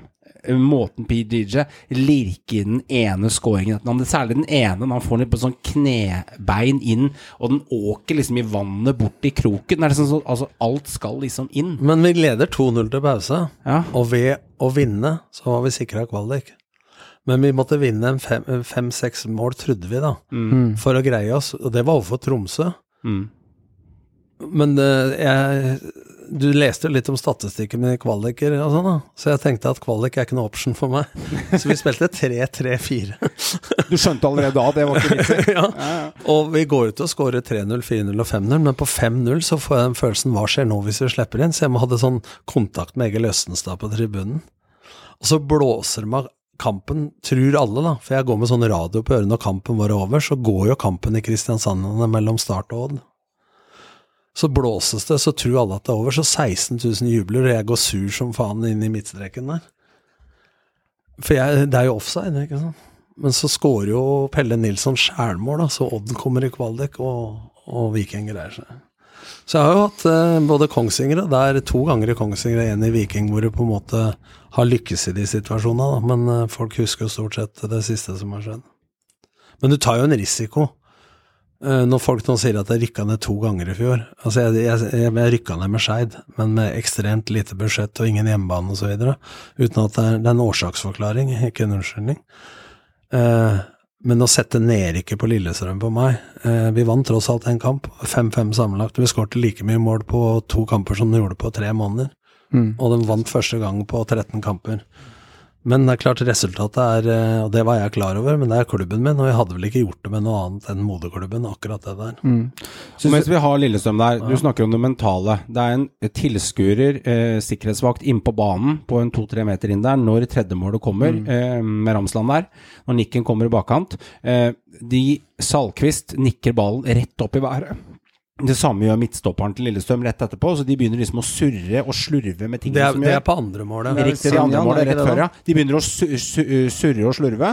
Eh, så eh, hva skjer her, Tom? Altså, Nei, det som skjer er jo at eh, vi har åtte dager, seks treninger, fire ordentlige treninger og to dødballøkter og tre møter. Det er det jeg har med laget.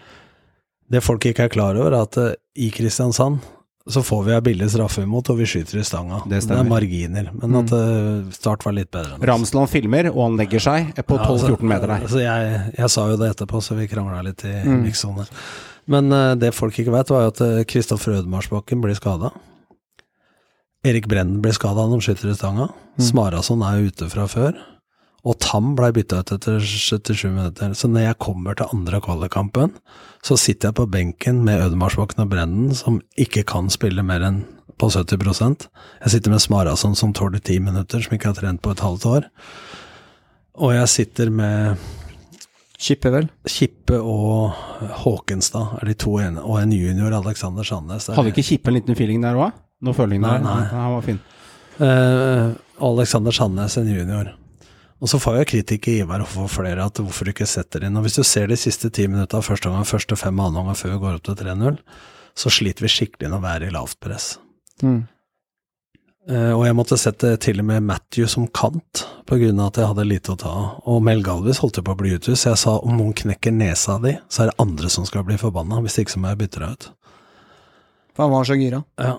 Uh, Hadde ikke råd til å miste den, hadde ikke råd til å miste den. Og så Poenget er at det er 4-0.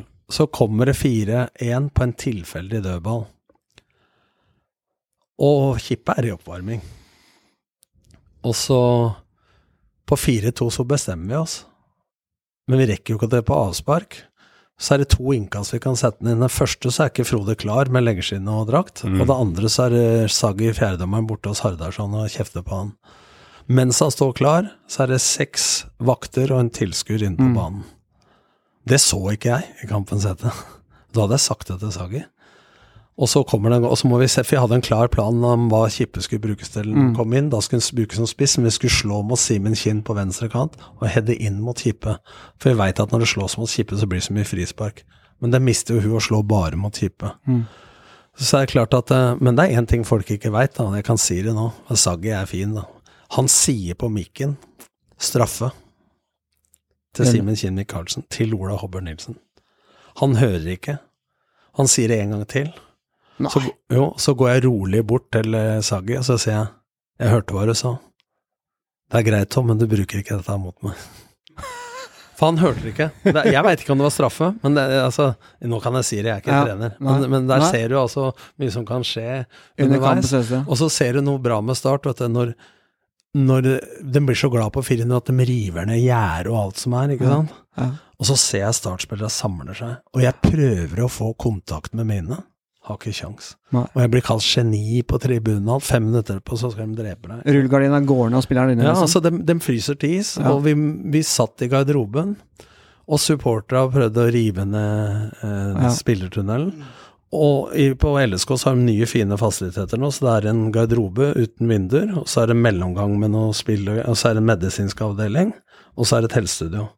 Og der banka de på ruter og alt, så vi måtte gå inn i garderoben uten vinduer. Der satt vi 45 minutter. Så kom det tolv politifolk inn i garderoben og fulgte spillerne utenom kippet til eh, bila. Fikk kjørt hjem, så måtte Kippe gå ut og ta media. Han var fredag, eller? Nei, men han skulle i media som kaptein, eh, og jeg var der. Og så skal du Jeg kunne ikke vært trener et kvarter da når du skal stå der, Nei. for vi kunne skyld på supportere og sånn, ikke sant. Men Kanarifansen er jo suverene. Mm. Men det er alltid enkeltindivider som kan ødelegge. For det var jo våre egne som storma banen. Ja, og våre egne som eh, I den grad våre egne, da, var ikke supersuper, og som kasta røykbomber, ikke sant. Så dette er eh, drama beskriver litt eh, bak garderobedøra, da.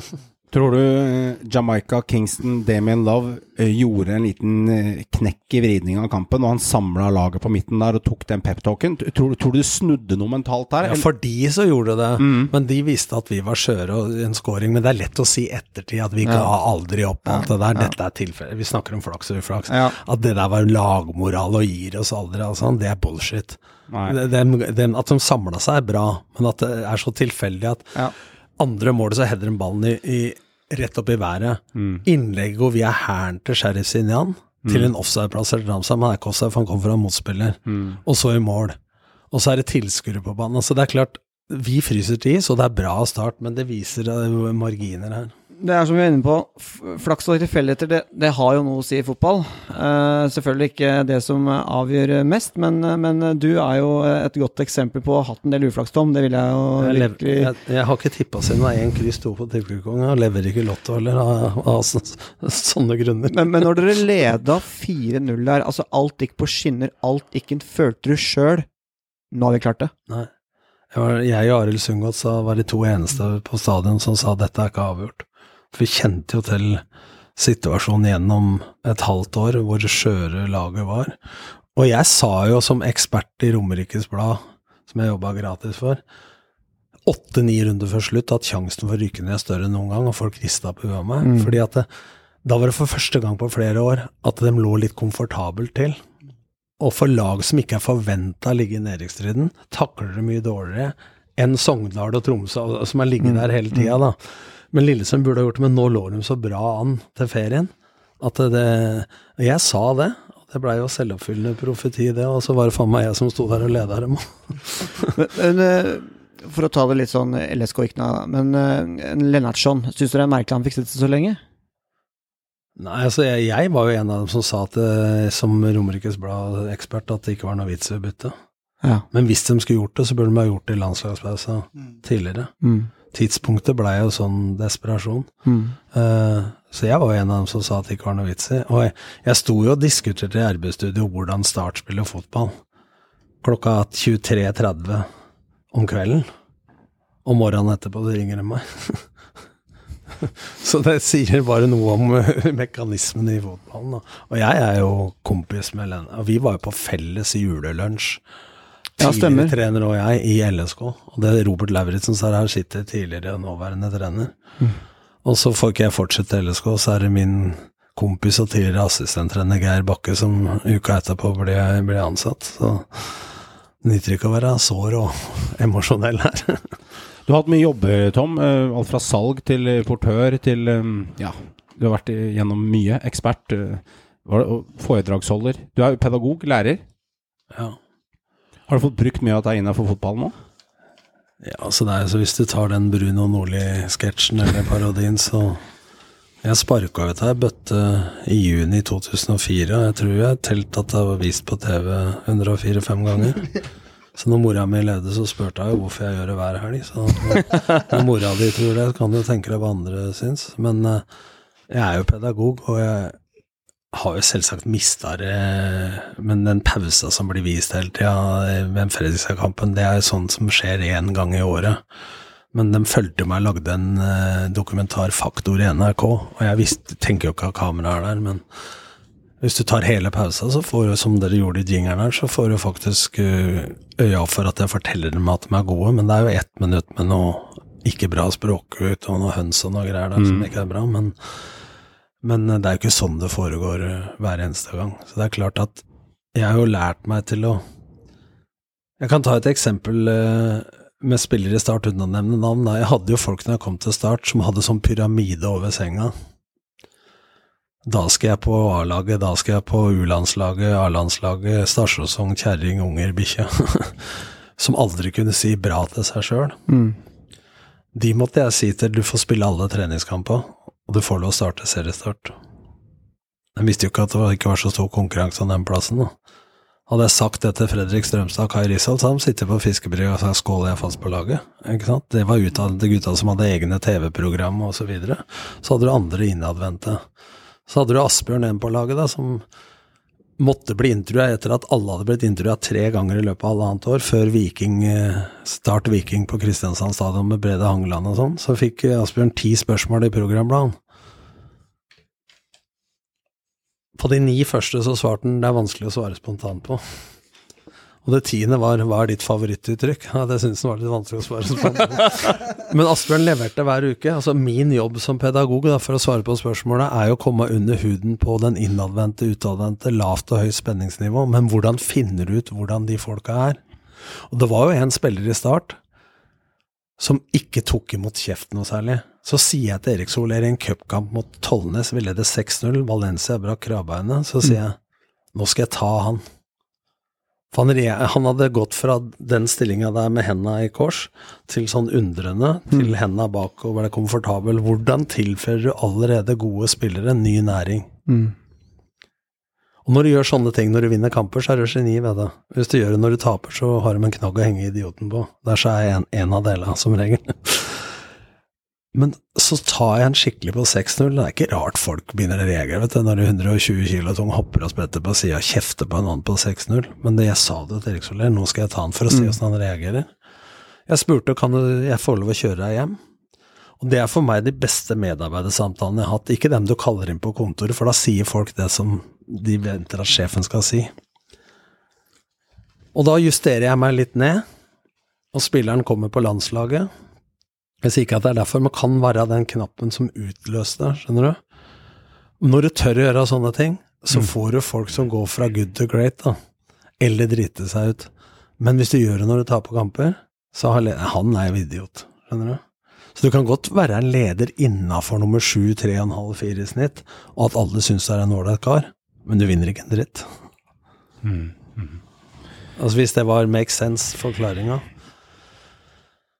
Make sense, gutter? Eller det er litt over nivået vi normalt pleier å prate på? Henger du med, Meran? Eh, Ja, da henger jeg med. Det er en del over nivået jeg og Håvard er på, i hvert fall. Men Jeg tror jeg har lært eh, mye gode triks til sjuendedivisjon når det kommer i gang på Men er ikke dette altså, Håvard, som er spennende? Altså, Ja, med fotball, altså ja. folk snakker om at det er fotball. Dette er ledelse, det er menneskebehandling, det er psykologi, det er mentale prosesser. Det er å behandle folk rettferdig, urettferdig, innafor en viss ramme. En kan få fri, en annen får ikke fri. Hvorfor det? altså, Vi er jo forskjellige individer, og, og man kan jo ikke behandle alle likt heller. Nei. Det går jo ikke. nei. Ref. Eh, Anders på laget vårt, blant annet. Eh, Skal ikke vi nevne navn nei, eh, men, eh, mer? han. Jeg har jo nevnt masse navn. Jeg bare tuller. Eh, her er det mye, mye triks å, å lære, og som eh, jeg tror alle trenere kan dra litt mer nytte av. Ja, det der med å faktisk eh, se hele gruppa og, og ikke behandle alle likt. Og, Ja. noen, og noen ganger så må du kanskje ta noen, og stramme dem opp litt òg. Og, og, noen må du kose med, og, motsatt. Det hender jo at jeg har gravd folk ned på vilje for å bygge dem opp igjen. Ja. Hvis du veit at de Ja. får det, som har en posisjon Ja. i gruppa som ikke er sunn, osv. Så, videre. så jeg håper jo men, men det er det folk som kjenner deg, da. ikke sant? Jeg gjør masse feil fortsatt, men poenget er at det, hvis folk tror at du bare står og kjefter eller sparker deg i bøtte, Ja. og at du har hatt de jobbene du har hatt på bakgrunn av det, så Nei. tror jeg folk eh, undervurderer eh, både ledere og meg en, en del. Men for å ta fotballspillere, Tom, du har jo hatt eh, mange garderober å forholde deg til. Er fotballspillere er de for hårsåre? Eh, Nå er det litt sånn ref den eh, Pelle- Pellegrino-saken og litt sånn som har vært i media. Er det, er det mange fotballspillere som på en måte eh, tar ting Altså, hvis du skjønner hva jeg vil, er det, er det må, må fotballspillere på en måte stramme seg litt mer opp og, og faktisk ta ting på en litt mer profesjonell måte, og ikke, ikke bli så såra av vondbrotene? Ja, og så må vi trenere altså ikke bli så såra av vondbrotene fordi om folk mener noe. Jeg syns Ja. det er for mye sånne i media at eh, VG erfarer, Mm. for folk står ikke fram. Altså det er uproblematisk for meg om en sier jeg er for hard eller ditten eller datten. Ja.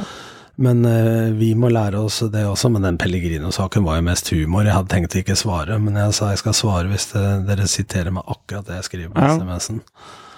Og det er jo sånn at jeg skjønner jo ikke behov altså jeg, han, Hvor han har behandla Henrik Pedersen, veit jeg ikke, men hvis du flåser og sier til en trener som er trener i 31 år og en, i mange toppklubber at hvis Tom får Rosenborg, så kan jeg trene dem òg, så bør du egentlig ikke kommentere, for det faller jo på sin egen urimelighet. og da sa jo jeg det at jeg aldri prata med fyren, Manten Hei og Hå.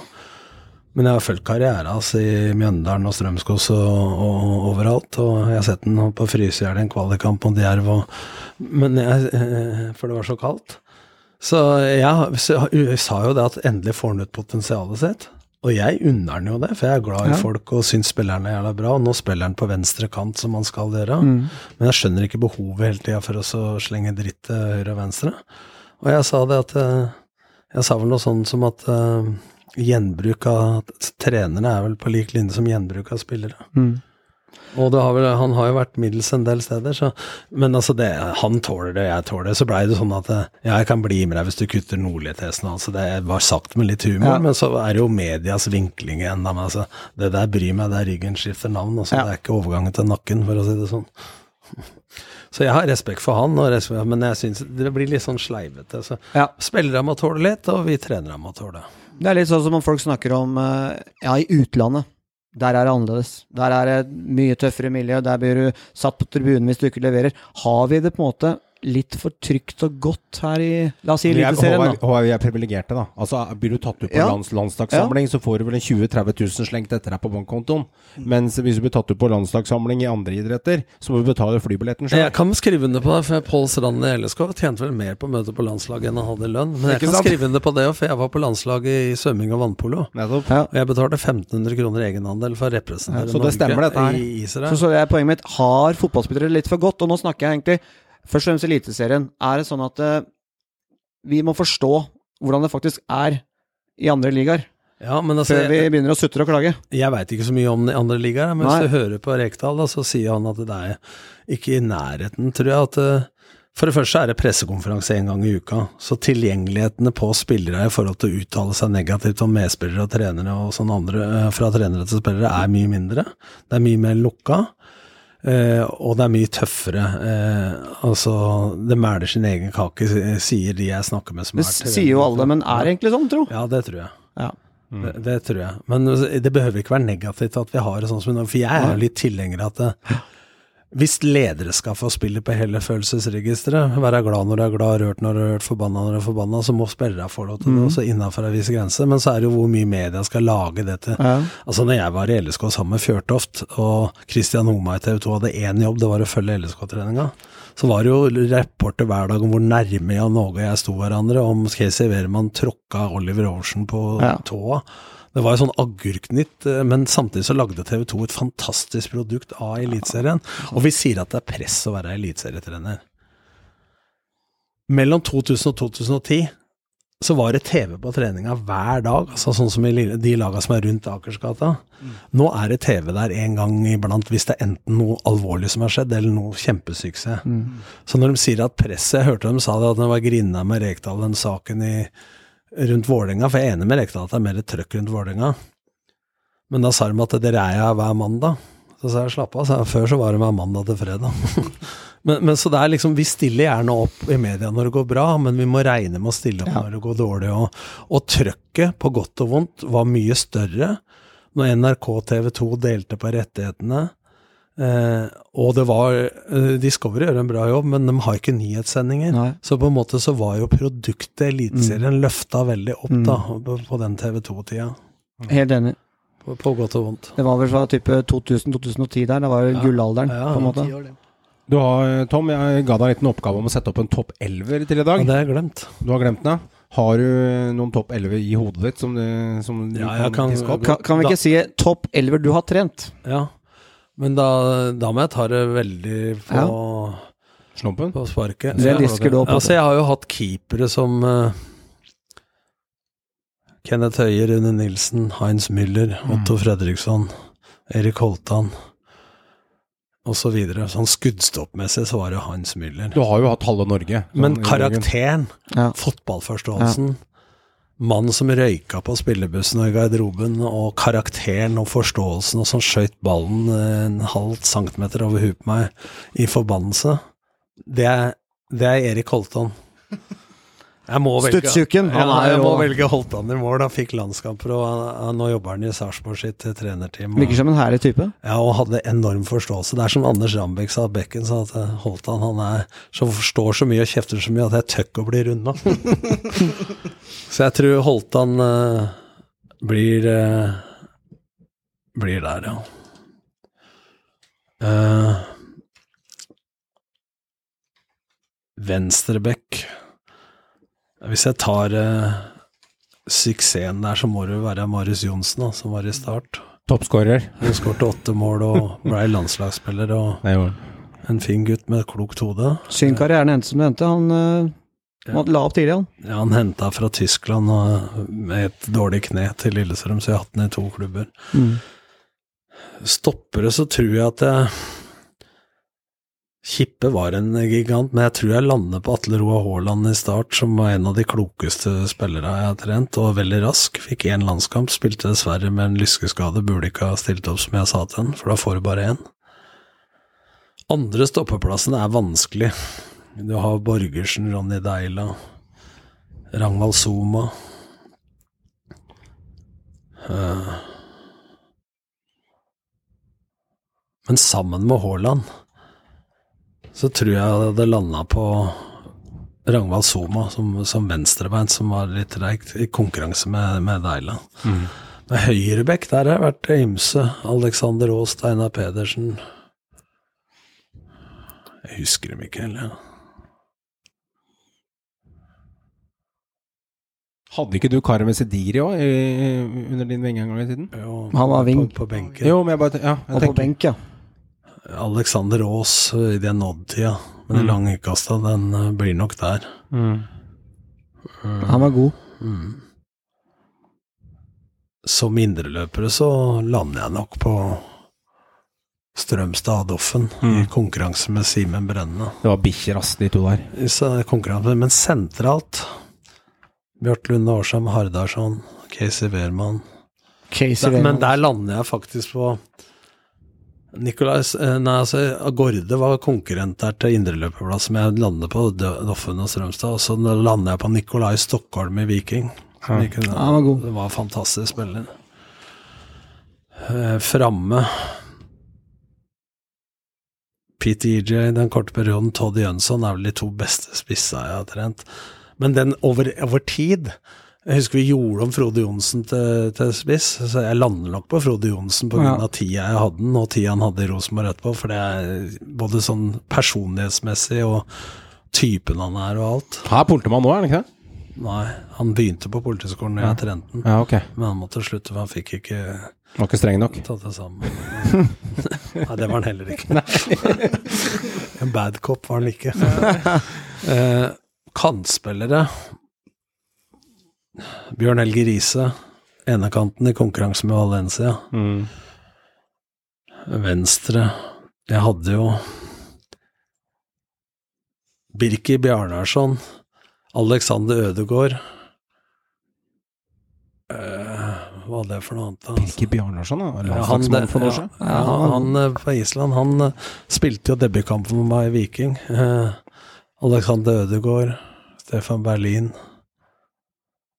Ja, jeg hadde Ocean, men han spilte med midtspiss. Ja. Hva er den mest undervurderte spilleren du har hatt da? Som har fått lite medieoppmerksomhet og burde kanskje nådd lengre med riktig verktøy rundt seg? Haaland var, han fikk én landskamp, men han var undervurdert, syns jeg. For alle trodde han ikke var rask, eller. Hadde jo en hodeskade i Vålerenga tidligere når han var spiss, men uh, som var litt forsiktig, men han uh, Han syns jeg var undervurdert. Men hva havna jeg på venstrekanten, da? Du var innom litt flere her. En Berlin var du inne på. en Berlin. Altså han køla det avgjørende offside-målet, vet du. Som eh, det var vinkefest på 17. mai på linja. Uff, ja. Nei, jeg har trent så mange. Det, Det er så mange. Du har noe, du, Scheid er jo det siste laget du trente nå. Er det noen spillere fra, det- fra Skeid-troppen der som uh, muligens burde ta steppet opp her, eller har mye fremtidsmuligheter i Eliteserien i noen år? Eller kanskje allerede nå? det hadde jo Mesut Can som har gått til Ullkisa, Moamanin uh, gått til uh, Moamanin gått til uh, KFM. Hadde Ayob Alesami, broder Alesami. Men så har jo en eh, Kanskje største som jeg hadde kommet å tatt med meg til Lillestrøm. Som er en dark horse. Som Fredrik? Jeg, eh, som veit Lillestrøm og flere har sett på nå. Det er Fredrik Bergli, som var i Halsen, tredjedivisjon, late bloomer, tre- 22-23 år, og trente med oss et halvt år før vi henta han da og spilte i fjor. Så han har liten erfaring, men han tror jeg kan eh, bli bra. Vanskelig, jeg, jeg visste jeg hadde glemt noe. Det der laget jeg skulle sette på forhånd, hadde jeg glemt. Men ble ikke det greit, da? Det ble fin, Fra hofta? Fin, eh, fin elver, det. Veldig bra. Litt sånn interessant, Tom. Eh, Jeg syns jo, som kontra norske, svenske trenere kontra allsvenskan og Eliteserien Det er jo store forskjeller på ligaene. Og du har jo Reffen Nordling i Brann, som virkelig eh, fikk Vi har mageplask. Nordling i Brann, ikke én Nordling i Brann. Beklager. Det er, det. vi, vi, har, vi har Nordling Det er eh, Ja, vi vil rette på læreren. Det er, det er bra. Pedagogen. Det, det, det er bra. Eh, Nordling i Brann, det Ja. ble jo mageplask. Ja. Eh, Så det holder. Kom fra seriegull i Malmö, genierklært. Rykka ned. Siste han gjorde, tape mot Levanger borte. Så kom Lan inn. Så har hun Mikael Stare nå i Sarp. Merittert svenske. Vært i større ligaer, gjort det bra i allsvenskan. Riktignok fått seg en seier nå, men, eh, men har slitt tungt med fem strake på Er det er det så store forskjeller på ligaene at eh, Hvorfor lykkes ikke svenske trenere så godt? Jeg kan ikke snakke for Mikael Stare, men jeg har jo generelt spille- Jeg hadde jo hadde jeg god, jeg hadde god kontakt med Magnus Hagelund i LSK. Ja. Snakka en del med Rikard Nordling. Eh, og det er eh, Jeg hadde jo Andreas Augusson som stopper i Sandefjord og Vålerenga, som var litt ut og inn av laget. Eh, som var veldig god når spillet var foran seg. Kom til, og falt gjennom litt i Norge, og kom til Elfsborg og ble årets spiller og solgt til Danmark.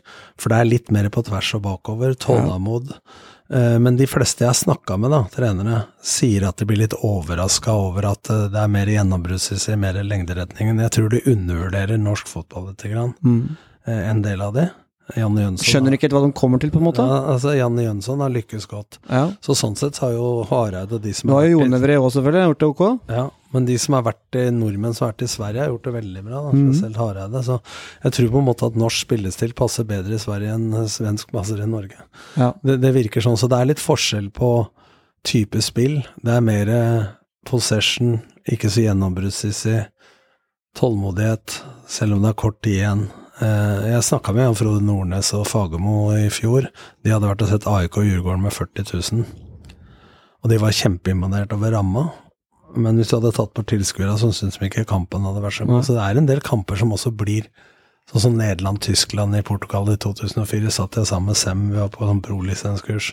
Så hvis denne kampen hadde gått på Voldsløkka for 1500, hvor bra hadde den vært, liksom?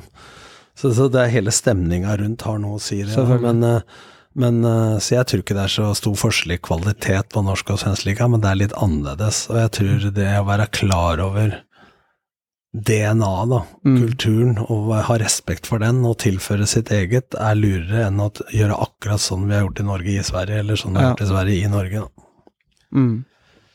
Dette med situasjonsbestemt ledelse, du var litt inne på det i stad, Tom. Eh, Med støttende, delegerende, trene, instruerende. Du hadde episoden i bilen med spilleren fra du kanskje trykka på en knapp eller to, og så endte det med at det justerte noe i hodet. Kanskje, kanskje ikke, men du hadde en følelse av det. Kan du være Norges mest undervurderte trener på akkurat dette punktet?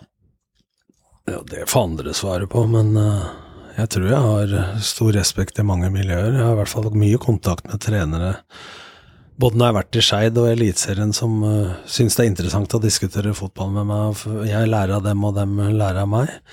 Men det er kanskje en side som ikke er så mye framme i media. Altså, uh, den sida med det fotballfaglige alt er ofte framme, men også det vi snakker om nå, med å behandle folk uh, ulikt, ta hensyn til innadvendt, utadvendt, de historiene jeg tok med spillere i start osv., Uh, med Asbjørn og så videre, eh, det tror jeg er eh, ting som eh, som ikke er så interessant for media, som selvsagt har en, eh, en del ferdigheter på. Men i kamp, nå er jeg roligere nå, da, spesielt når jeg var i Skeid, men jeg merka litt mer fyring igjen når jeg var de to kampene i LSK. Naturlig nok, kanskje. Ja, men For da, hverdagen er ganske lik, men det er vel litt sånn når det er kamp, så for å sitte her på lærerskolen, så har ikke jeg tid til kollokviegrupper. Da skal vi vinne. Så foregår vel mer av pedagogikken på en måte i treningshverdagen. Og så sier jo noen at det ikke er noe vits i å rope noe fra sida i kamp. det tror jeg er forskjellig fra hva slags trener du er. For jeg husker noen trenere sa en gang at det er ingen som får med seg likevel. Jeg tror at hvis du er så tydelig på spillestil som f.eks. Bodø-Glimt og vi var i start osv. her, da. Hvis jeg sier når stopperen har ball, så skal du breit, eller når han har ball, skal du smalt. Hvis det du sier fremganger, bringer et bilde i hodet på deg, som du kjenner igjen fra trening, så tror jeg coaching fra sida har noe å si. For det har jo noe å si i håndball og andre idretter, men da er det om timeout og sånn. Men hvis det blir sånn trenernervøshet og frustrasjon at du tar valga for spillerne, som folk tror jeg gjør mange ganger, og det gjør jeg ikke, for det er veldig kjent fra trening. Så da tror jeg coaching kan ha noe, noe å si, da. Og der kommer jo de egenskapene som du sier eh, fram, mens det, i media så er det veldig viktig at hvis du er pedagog i 89, så er du forbanna i de 90., så er det jo de 90. som skaper overskriften. Men jeg gjorde en øvelse en gang, jeg snakka med Janniken, og jeg tok Sandnes Ulf etter å ha vært kommentator i, i VM i 14. Så bestemte jeg meg for en gangs skyld å ta på meg en vanlig sånn kinosbukse, skjorte og en V-genser. Ikke dress, da, for der går jeg knapt i bryllup. Jeg hadde jo til hjelpe keepertrener i start, var jo penere på treninga enn jeg var i bryllup. til Rutvold. Eh, men så sier jeg til Jannika at nå kommer avisene til å skrive at jeg er blitt mye roligere. Og på vilje så gapa jeg mer enn normalt. I Ja. de to første kampene mot Godset, når Martin Ødegaard eh, slo gjennom, og en kamp til. Og da sto det i en eller annen riksavis at jeg hadde blitt mye roligere. Så, På grunn av klær du hadde valgt, rett og slett? Ja, ja. Så, så vi er rare, vi mennesker, hvordan vi setter folk i bås og så videre. Men det var liksom morsomt. Når du har, sier det på forhånd, og det blir sånn, så er det litt morsomt. Da har det vært med en stund. Eh, De 10-15 siste årene så har det vært igjennom mye, Tom. Eh, På det menneskelige planet, hvis du tenker egenutvikling av deg selv, du er opptatt av utvikling også. Eh, Hvor har du utviklet deg mest?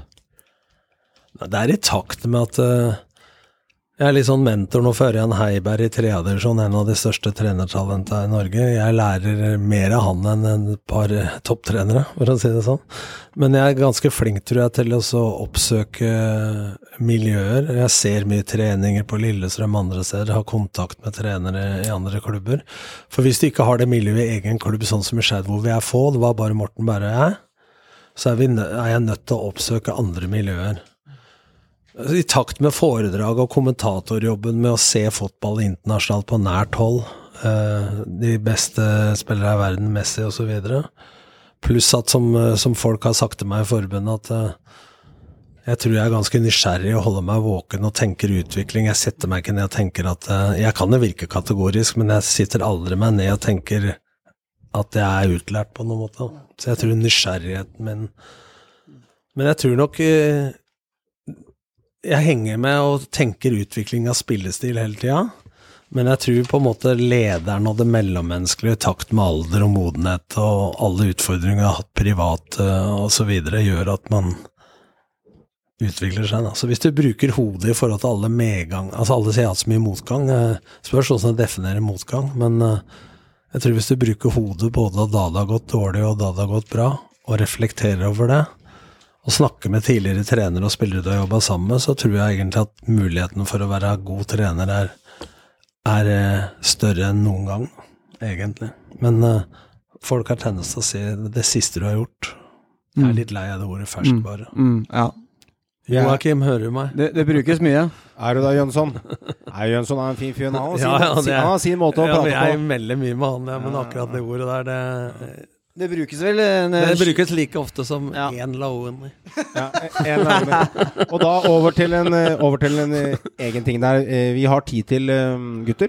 Jeg har bakt inn det her. Liten overraskelse, dere. Vi har tid til å gjennomføre quizen vår. Spennende. Det har vi tid til. quiz, og i. I dag har vi tid til det. Det som er litt interessant, er at Meran, du skal i ilden i dag, og du får eh, fire spørsmål. For vi har to til gode. Ja. Og Håvard får to. Joakim sparer vi da Får to. ikke Tom spørsmål? Ja, men Tom, han er da eh, mentor, gudfar, pappa, kall det hva du vil. Det gamle, uttrykket han ble kalt. Jeg kan gi hint til begge to. ja, du kan gi hint til begge to. Og så kan vi jo, eh, Sagmoen og Meran, dere kan bestemme eh, hvis, om vi skal gjøre sånn at Tom kan være med på alle spørsmålene, og det er liksom gratis passasjer, og dere får poeng uansett. Kan Tom kan, kan eh, komme med svaret etterpå, hvis han kan det. eller så kan du gjøre det motsatt. Hvis dere velger å bruke hjelpemidler i TV2 Hjelper deg, så, eller i Men, men det er jo sånn at, at jeg husker knapt hvem som fikk bronse i fjor, men jeg kan huske hvordan skåringene kom i cupfinalen i 77. Ikke Ja, sant? sant. Det er sånn situasjons... Men da sier vi det. Tom får du lov til å bruke eh, aktivt. Så eh, det, dere, da, så da betyr det egentlig at Tom kan svare på spørsmålet, og vi kan holde kjeft? Nei, det betyr at uh, spørsmål bestilt til deg, Håvard. Og du kan eh, sammen med Tom nå, før du svarer, uh, bli enige om svaret før du avgjør det. Sparre, rett og slett. Ok, sparre med Tom. Ja, ja, ja. Greit. Svare med Tom. Han er blir en liten Nå kan jeg bli avslørt. da blir det ordentlig. Men gutter, da kjører vi i gang. Meran, vi starter med to hos deg, vi. Ja. Én til seks kan du velge mellom i dag. ja. Og for å si Joakim har tre poeng i denne konkurransen, Ja. som ikke er her i dag. Og Sagmoen Håvard har tre poeng. Akkurat. Men da begynner jeg med en treer, jeg, rett og slett. Du, du, du går ikke rett opp på sekseren når du har Tom som mentor? Nei, fordi jeg, jeg starta veldig hardt sist gang. Men jeg ikke Jeg hørte forrige på når det gikk for sekser, og dere var jo helt på bærtur. Så vi tar det roligere i dag. Jeg var Du, an, var- jeg var- du, du anbefalte dem med å gå for enere, toere og treere. Hørte Ja, jeg har hørt episoder, ja. Hør, ja, bra, Jeg, Tom. jeg var nære på på Djordjic uh, Ja, ja, klubben det der, er det var ikke langt unna. Likte du, likte du det du hørte, Tom? All podden du har hørt? Ja, altså jeg eh, syns det er bra det kaller det Synseligaen, for det er altfor mange eksperter, og det burde vært en litt mer beskytta rolle. Men det morsomme er at vi trenere sier de såkalte ekspertene, og så blir vi det sjøl. Hei, Kåre, husker du? og så videre. Men jeg, jeg syns det er artig, og det, det viser jo at dere følger med. Og fra et skråblikk fra supporters side, syns jeg Og så er det greit å få komme inn med med noen faglige stikk innimellom. Men jeg syns det er greit å beholde litt humoren i det, og så syns jeg den quizen er sånn passe lang og gir litt krydder og variasjon i programmet. Kult. Meran, er du klar for en treer? Jeg er klar. Da er reglene veldig enkle, så lytterne der ute også kan være en del av det. Eh, du kan høre med Tom. Dere kan krangle, kjefte, bare ikke bruk for lang tid. Nei. Og så sier dere endelig svar avgitt er eksempelvis Vålerenga. Ikke sant? Ja, du veit meg. Jeg skyter først, og så tenker jeg etterpå. Ja, det ok. Da gjør vi det sånn. Hvor mange Kniksen-pokaler har Arne Gautur Arason for beste målvakt i Eliteserien? Jeg skal ha antallet, ikke årene.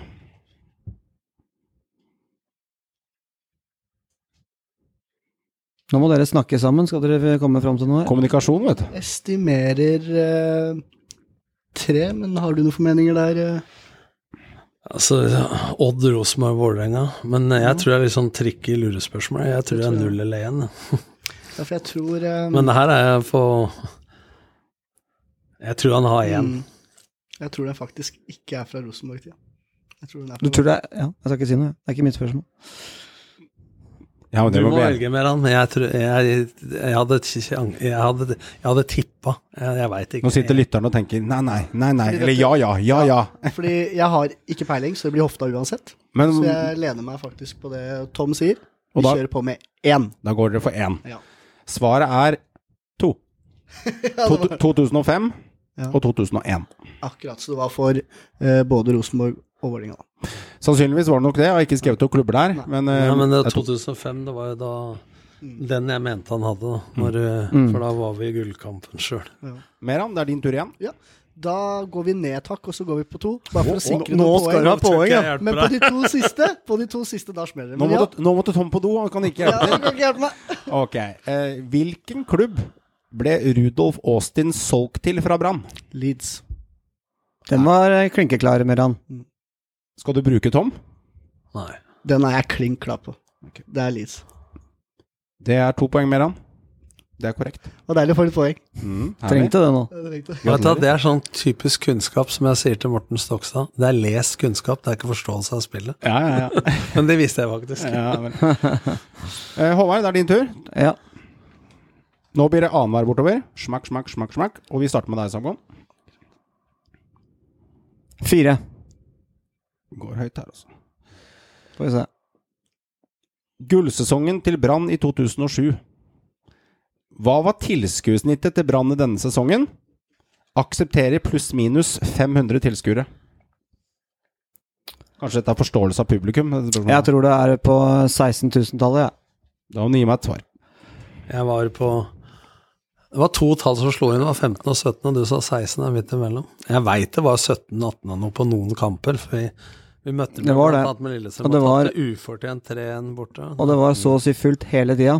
Var nå Jan Norge førte og sa for seg at Norges dårligste dommer dømmer to Norges to beste lag. Stemmer det. Og Vidar Riseth hadde et svar på spørsmålet til to, som varte i 14 minutter. Det Gylfi Einarsson-intervjuet, da. Det var egentlig Det var jo Det er sånn jeg husker Jeg husker faen ikke Ja. tilskuertallet. Nei, men uh, skal vi prøve altså, skal hvis, jeg sier, hvis jeg sier 17 000 blank, så er det pluss 500 ish. Begge veier. Altså Hvis det er 16-5, eller hvis det er 17-5, Ok, så får du poeng. Men da må du gi meg et svar. da sier jeg 17 000. Sier 17 000 blank.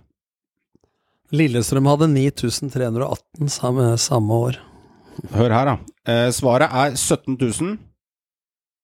224 poeng til Håvard. Ja, deilig! sterkt, sterkt. Det er den fin. Den er fresk. Jeg sa jeg tenkte 15 og 17. Jeg er ikke helt på jorda. Jeg satt og gråt hjemme når Brann tok seg seriegullet der. Ja, det skjønner jeg. Gråt året etterpå.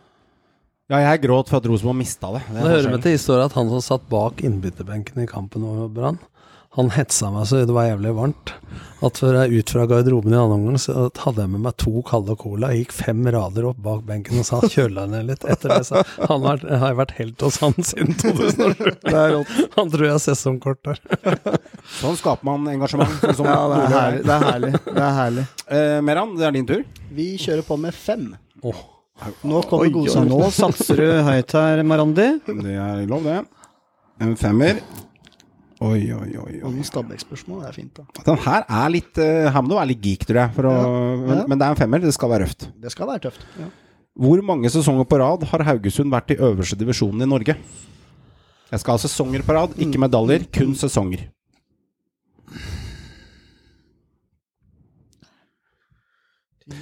Hvis ikke det er noen misforståelse ved spørsmålet Hvis de har rykket ned, Mm. så brytes rekken. Skjønner. På rad. Skjønner. Men um, jeg mener vel at siden 2000 Snakk i mikrofonen, du, takk. Husk på det, vi er lyttere der ute. Ja, stemmer det. Men det var vel i to Var det 2010 eller 2011 de rykka opp? Jeg mener, jeg husker i hvert fall Hva tenker du, Tom? kampen Nei, jeg husker altså, et sted mellom 10 og 12, tror jeg. Ja. Altså, eh, altså at det blir en mellom 8 og 10 år. Ja. Hvis du tar med sesongen i år. Her skal dere treffe. Jeg er ikke ja, skyndingsmann. Dette er et fem... år? Ja, dette, dette, er en, dette her er en, eh, en femmer. Da er jeg, velger jeg å si fra 2011, så da er vi på den tiende sesongen. Ditt svar er hva? Ti. Ti. Tiende sesong. Med år i år. Det er korrekt. Bra, Meran. Den var eh, Ja. Det tror jeg du hadde jævlig gull på, for å være helt jeg ærlig. Husker det, jeg husker den kampen. Jeg holder kjeft etter anfallet er forbi. Nei, men jeg husker det fordi Allan junior og Le, og Le skåra to mål den kampen der. Ja, det, Hvis du klarte å resonnere der, så er det sterkt. Nå skjønner jeg forskjellen på trener og supporter. Ja. det er deilig å være supporter, da. Ja, men altså Ta en lagoppstilling. Altså, alle mine kompiser kan jo mye mer om sånt enn meg. Ja, ja. Det er der vi i sofasynserne skinner. Andre spørsmål var Kjørte en firer nå i stad. Skal vi gå et hakk opp til femma? Prøv på det. Satse høyt. Da satser vi høyt. Bentley ble kjøpt til Odd i 2007. Hva het klubben han kom fra? Ja, men i helvete. Tom, har du noe fra sida her? Han kom fra en nigeriansk klubb. Ja, og så var det ut av Odd igjen, til utlandet, og så tilbake igjen. Var det ikke? Det vet jeg ikke, jeg vet- han gikk til Brann. Han gikk til Brann ja. etter han var i Kina, så gikk han til Brann. Ja. Men uh, Kvara United. Er svaret avgitt? Nei, jeg har ikke snøring, det er vanskelig, altså. Det, Kan du navnet på en nigeriansk klubb, da? jeg trodde kanskje det var en nigeriansk klubb, ja. Men er, sva er eh, svaret avgitt? jeg sier Kvara United. Det er korrekt, Håvard! Du fikk fader for det! Dere er faen meg sjuke i huet, dere. Denne, da hørte vi Tom Nordli si dere er, sånn. dere er Det, det, sjuke er, huet. det er høyt nivå. Ja, Det er høyt nivå. Det er høyt nivå. Det er jeg har ikke hørt om klubben engang. Torgeir Bjarbrand, hører du? Vi har kontroll på nigerianske klubber. Al- Atta Neke, tror jeg. Vi har kontroll på markedet, vi i Nigeria nå. Nei, jeg- Dere har hatt pod med Atta. Ja. Det Ja, det- det kommer fra. Nei, Det husker jeg faktisk i bakhodet. Men Sagmoen eh, Det fins medisiner mot dette, gjør det ikke? Det fins medisi med, med, medisiner og eh, eh, nei, Altså, altså Narvestad ble sagt Nå er jeg imponert, altså. Ja, ja men det er bra. Men eh, eh, Meran, det er din tur. Ja, Jeg kan ikke gjøre noe annet enn å si en sekser nå. Nei, du må toppe det her nå. Nå må jeg snart på apoteket. Skal du, skal du gå for eneren, er det så? Nei, vi kjører på okay. topp, topp. Vi går for, det hadde vært flaut å gå for én nå. Ja, jeg går- tar ikke én. Å, for en tak. Bare nevn at nå har jeg dratt inn ni poeng.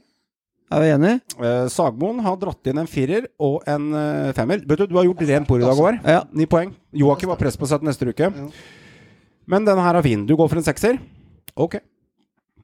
Hvem er mestskårende for Sarpsborg 08? Og hvor mange mål fikk han totalt? Snakker vi, Jeg skal ha navn på spilleren, og jeg skal ha antall skåringer. snakker vi Øyvind Hoaas her? eller? Det er slindringsmonn på tre skåringer fra og til. Altså, okay. Er svaret 1000, så kan du Det er jo treffe for, er jo for lett å være en sekser. De rykka opp i 2010. Ja. Nei, på men rykka opp i 2009. For de slo meg og Fredrikstad i kvaliken. Stemmer. Eh, De har vel vært der siden. Ja, de har jo det. Men han spilte ikke mange år i Sarpsborg uh, for Hoaas, da. Så det må være Hvem har de hatt som spiser der? er det Patrick eh, Mortensen. Ja, danske i Mortensen. Men var han der så lenge, da? Tre år. Mestskårende Jeg har lyst til å si Toppskårer. Måtte jeg tippe antall mål, da? Ja. Du skal ha seks poeng, skal du ikke det? Ja. Skålevik har vært der kort. Han er ja ikke Skålevik er ikke Patrick. Mortensen, Krepin Diata. Han var ikke der lenge. Vil, Ole Jørgen Halvorsen har vært der en stund. Da Ja. Jørgen Halvorsen har vært der lenge. Men han har spilt er kant. Han har vært i Odd i mellomtida. Vi må ha et svar, gutter. Ja, Men da sier vi Da tar jeg en råsjans, Mm. og så sier jeg vår danske venn Mortensen. Hvor mange mål fikk han? Det er toppskårer gjennom tidene for Sarpsborg 08 vi snakker om her. Ikke i fjor, liksom. Ja, men er det toppskårer i Eliteserien? Nei, toppskårer for klubben. For klubben, ja. Men gjelder det antall seriemål, eller da med cupmål og heller sånn? Nei, det Men- gjelder fra Sarpsborg sin egen hjemmeside. Den spilte Så jævla mye i førstedivisjon. Da kan det være Øyvind Hoas. Men altså, ikke si takk for hjelpa til meg. Ok. For her er Ok, så du tar det ikke fra eliteserie? jeg har tatt fra Sarpsborg sin hjemmeside, forholder meg til det. Og så har jeg ikke gått helt i dybden om det er med den ene cupkampen mot Grorud i Ja. Ja, fordi hvis, hvis det er der kriteriet ligger, så Jeg trenger et svar, gutter. da sier vi faktisk Øyvind Hoaas. Mm. Antall skåringer? 57. Det er bare en råsjanse jeg sier. Kommer til å rive dere litt i håret. Svaret er 79 mål, og det er Martin Wiig. Martin Wiig, ja! Det glemte han, altså. Den så jeg faktisk ikke komme. Skal jeg. Ja, men du, herlig, herlig Han hadde jeg Odd det første året. Det var eh, poeng Håvard gjorde rent bord i dag. Jeg er imponert over den. Men hvor er Martin Wiik fra? Et uh, Bodø. tilleggsspørsmål. Det er riktig. Hva jobber faren som? Fiskebåt. Han er prest i Skien. Ja, såpass. ok. Hallais, mitt navn er Adrian Nilsen Preira, og jeg spiller for Viking. Hvis du har lyst til å følge meg og de andre spillerne i ligaen, så må du følge med på Synseligaen. Av fans for fans. Du har hatt mye spillere med tiden, Tom. Du eh, har blant annet eh, hatt uh, mentor- og rådgiverrolle for Hegerberg-søstrene, og du har hatt mye mannlige spillere også uh, gjennom tiden. Uh, hva er det du har plukka med deg av, og lært av spillerne her, og hvordan endte du kanskje inn i, i, med Hegerberg-søstrene som en slags rådgiver og mentor? Nei, det med Hegerberg-søstrene var eh, Jeg jobba litt med svømmere og golfspillere og forskjellige idrettsutøvere, og mange har spurt meg om råd uten at jeg har kalt meg noen mental trener eller rådgiver eller noen ting. Men eh, når det gjaldt Hegerberg, så var det jo litt sånn konflikt med NFF, og de har jo litt vinnerinstinkt og sånn. og da var det mora som ringte meg når jeg skulle hjelpe Knut Espen Svegården i VG med å trene laget til sønnen hans eh, en desemberkveld ute i Asker. Så ringer mora meg og spør kan du jobbe med Ada Andrine. Og svaret mitt var 'hvorfor i helvete spør du meg?' Og da sa hun 'deg vil jeg ha'. Og så hadde jeg møte med spillerne for å sjekke ut uh, Det er to vidt forskjellige caser. Og så Vi hadde et ålreit samarbeid, så du kan sa, si det at det gikk en del på det mentale til å begynne med, og bare fokusere på. Så gikk det på litt medierådgivning, og så gikk det jo en del på hjelp til egentrening og sånne ting, så jeg vet ikke hva jeg skal kalle, kalle rollen, eh, sånn sett. Men det kom nok utspring fra tida jeg jobba mye sjøl med Frank Beck. Så han sa jo lære, to læresetninger en gang. Det er bedre bra gjort enn bra sagt. Og så sa han det er bedre å gjøre de riktige tingene enn å gjøre tingene riktig. Så hvis du tenker litt over den. valget er viktigere. Altså, det hjelper ikke å slå en fin pasning presist til han på sjuende rad på sitteribben. Eh, fint utført, men feil retning. Så det er bedre å gjøre det riktig. Så det kom nok derfra at jeg begynte å, å jobbe med, med de tinga der. Så jeg hjelper jo folk fortsatt uten at jeg har hatt noe lønna stilling på noen måte, eller Så folk ringer og spør, og jeg vel veit sjøl hvordan jeg kom opp som trener, så jeg har vel problemer med å si nei, eh, rett og slett, når folk, folk spør. Fotballfaglig gruppe du har hatt, da. Én En ting er jo det, det vi ser utenfor, men du, du var jo i alle disse garderobene. Den klokeste gruppen du har hatt. Hvis du ser på hvem som jobber i fotballen i dag, så er det Odd og Start og, og en del i Lillestrøm. Men, eh, for jeg var ikke lenge nok i Viking og sånn, men hvis du tar Odd, da, så jobber Erik Holtan som sto i mål i Sarpsborg sitt trenerteam. Ronny Deila er i, i New York og så videre. Bård Borgersen er kretsansvarlig her i Telemark. Eh, Jan Frode Nordnes eh, er hovedtrener. Anders Rambekk har sittet i styret i, i Odd. Eh, Frode Johnsen var spisstrener eh, der. Arne Sandstø trener Jerv. Så da har du liksom sju-åtte av elveren. Det er ikke noen dumskaller, dette her. Nei, og, og jeg kom som ung i, Odd, og hadde jeg ikke vært fotballfaglig sterk da, så hadde jeg blitt spist eh, levende, egentlig. Mm. og så har du jo da i start hvor eh, du har Marius Johnsen som trener et juniorlag, du har Steinar Pedersen som trener Arendal og trener Start. Du har Borgersen der, og Haaland er sportslig leder i, i Start. Hardarson som spilte sentralt, trener Start. Doffen trener noe yngre lag. Strømstad er vel i utviklingsavdelingen til, mm. til Start. Ja, Valencia trener vel Åsane gutter 13 eller noe sånt. Men altså, hvis du ser sånn, så er det litt sånn som Drillo-generasjon. At det, det er et par-tre lag jeg har trent som mange jobber i toppfotballen i dag. Og det tror jeg faktisk har litt med det fotballfaglige miljøet vi hadde, og åpenheten for diskusjon, at spillere fikk være med og mene noe. Hvis man går inn på eh, en enkeltspiller, altså Hva er den beste enkeltspilleren du har trent? Det er, det er umulig å svare på, for jeg har sagt at den klokeste er Atle Roar Haaland. Mm. Eh, Men det er vanskelig å si. Størst altså. ferdigheter? Altså, som spiss og Toddy Jønsson var jo liksom tidenes toppskårer i FCK. Mm. Kom skada med to dårlige akilles og teipa seg opp her, men han var klok. Men altså, Frode Johnsen var veldig klok. Deila var klok. Det er noen av de gutta som Sånn som Ståle Solbakken, at det er mange som har sagt til meg at hvis jeg hadde vært trener mens jeg spilte, så hadde jeg vært en mye bedre spiller. Sånn som Deila som trente Birkebeineren, ikke sant. Solbakken, Tom Lund. Altså sånne spillere, Steinar Pedersen, som har på en måte vært trener. Altså det, det spørs hva er den beste spilleren. Altså det, går på For jeg har mange til spillere jeg har trent som er veldig kloke. Men så har jeg noen spillere som ikke kan undervurdere nok, og som kan mer enn nok med sin egen rolle. Så hva er en god fotballspiller? Som regel så er det toppskårere som blir eh, Ballon d'Or og så videre. Så Nei, jeg greier ikke også å, øh, å fastslå det sånn. Nei. De gikk jo før jeg kom. altså Jeg fulgte noen året før Robert Korén, som var i Lillestrøm, men han trente jeg ikke. Ja. Mm. Du er jo kjent for Nordli-testen. Du har jo gått mye gjetord om den, men kan du fortelle litt hva den testen gir, da? Og hva den går litt ut på også? Pellegrino vil jo ikke ha noe Nei. Nei, altså det er rett og slett at du var trener i, for 25 år siden og ikke hadde penger.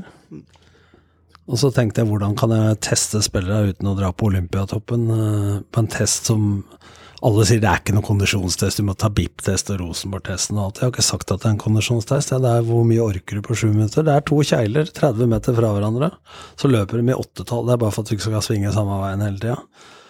Så får du akselerasjon og retardasjon hver 30. meter, og det hender jo du får i fotball. Og da må du jobbe med syre. Og Doffen gjorde jo det veldig bra på den testen, men han var ikke noe bra på O2-test, for det er jo oksygen per kilo kroppsvekt du puster inn. Så han var jo tung i kroppen, men du, du får målt vilja òg, da. Men jeg har kjørt den i alle klubber, vet du. Det, og nå er den jo til og med med i treningslærebøkene på idrettshøyskolen, på noe jeg fant på bare for at jeg hadde et målebånd og 20 kjegler. men, men jeg mener at det har noe med saken å gjøre, da. Og, og da har jeg resultater fra alle klubber, liksom fra Romerike på andredivisjonsnivå til eh, alle eliteserieklubber. Så folk i Jon Arne Riise ringte meg for en måned siden og lurte på hva som var bra og hva som var dårlig på den testen. Så det, sånn er Nordli-testen kommet til. Så Ikke har jeg bedt om å få navn i noen treningslærebøker, men Noe, noe riktig har du gjort da, Tom? ja. Hvem var rekorden på antall runder? Nei, jeg tror det er Ståle Stensås sånn utafor klubben, men jeg tror det var eh, I start så hadde jeg snitt på 29,57. Sorry at jeg husker det. Men vi hadde seks spillere over 30. eh, så det var veldig sånn jevnt. Til og med Rune Nilsen, keeperen, hadde ni i huet. Kai Risat var dårligst med 27, så han fikk nesten ikke lov å spille. Men eh, jeg tror Bjørn Helge løp 32. Det er sterkt, ja. Ja, det er sterkt. Men, øh, men det morsomme var jo Nå kan jeg si det, for nå har jeg lagt opp Arild Sundgodt og Oliver Aarsen, og de løp ikke dårlig. Men jeg hadde jo en fysisk trener som nå er leder av friidrettsgruppa. Erlend Slokvik, som trente Bjørndalen til en haug OL-gull i 2010, vel. Han øh, løp ved siden av Oliver Aarsen i sju minutter, og heia noterte runder. Og så neste gruppe to minutter etterpå, så var Arild Sundgodt. Og, og han løp ved siden av han òg, og de løp 28 begge to. Det er jo ikke så dårlig. Men Slokvik på 45, han. Og sa da bør det ringe ei bjelle, gutter. Yes. Håvard, vi sitter her på denne nydelige gården til eh, Tom og Jannicke, og vi tenkte vi skulle mm, diske opp litt eh, grillmat. Du er jo den som har handla inn grillmaten til i dag. Eh, og hva er det du pleier å kalle det, Håvard? Arbeiderklassegrilling. Og hva Og er menyen den består av Skal jeg gjette hva det er, da? Mm. ja, Da Arbeiderklassemeny, da er det pølser og burger. Og kanskje en eller annen sånn derre steik og greier. Det, er, det er nesten helt korrekt. Det er grillpølser, det er sliders, burgers, og så er det noen grillskiver. Du spiser, og du spiser det, selvfølgelig, på arbeiderklassegrill så må du ha med potetsalat. og, og. Og det er sprøstekt løk. Men du har kjøpt sånn ferdig potetsalat? Jeg har kjøpt, ja. Den kan du få ta med deg hjem igjen. Ja, For Jannicke har nå tatt og skrelt poteter og blanda med løk og, så og lagd hjemmelagd potetsalat. det høres det? nydelig ut. Og det som er litt ironisk, da, at jeg og Meran, når vi var på vei hit Jeg hadde glemt potetsalaten hjemme, så jeg stressa innom en butikk på veien for å kjøpe en ny potetsalat. Ja, ta den med deg hjem, Så da. det, da, da har jeg i hvert fall seks stykker hjemme, da. Det er helt nydelig. Jeg skal si sånn, jeg skal ha Jannikes hjemmelagde Åh, Oh, det, høres vak det høres vakkert ut. Hjemmelagd potetsalat er jo helt nydelig. Tom Nordli, tusen hjertelig takk for at vi fikk komme til deg. Jo, Det er jeg som skal takke, og så håper jeg det har vært en blanding av litt fag og litt humor. Så lytterne blir litt bedre kjent med, med hva man har holdt på med. Kjære lytter, jeg håper du ble litt bedre kjent med Tom Nordli. Tusen takk for at du lytter til Synseligaen. Har du tilbakemelding til oss av ris eller ros, så legg igjen en liten ja, visk, eh, liten bisk eller fugl i øret til oss på Instagram. Og vil gjerne takke TV 2 for bruk av lytteklipp til introen vår og avslutningen vår. Er du interessert i Eliteserien, gå inn på dplay.no og se hvor Eliteserien spilles i nærheten av der hvor du er. Ha en glimrende uke, kos deg masse. Vi snakkes. Dette dreier seg ikke om taktikk. Det dreier seg om å ville ta ut det du har i magen. Dere er gode. Skjønn at dere er gode. David Hansen!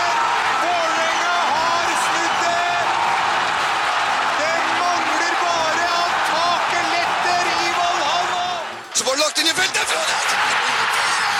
Det er 4-1! 88-55 på tavla! Frode Johnsen har skåra tre!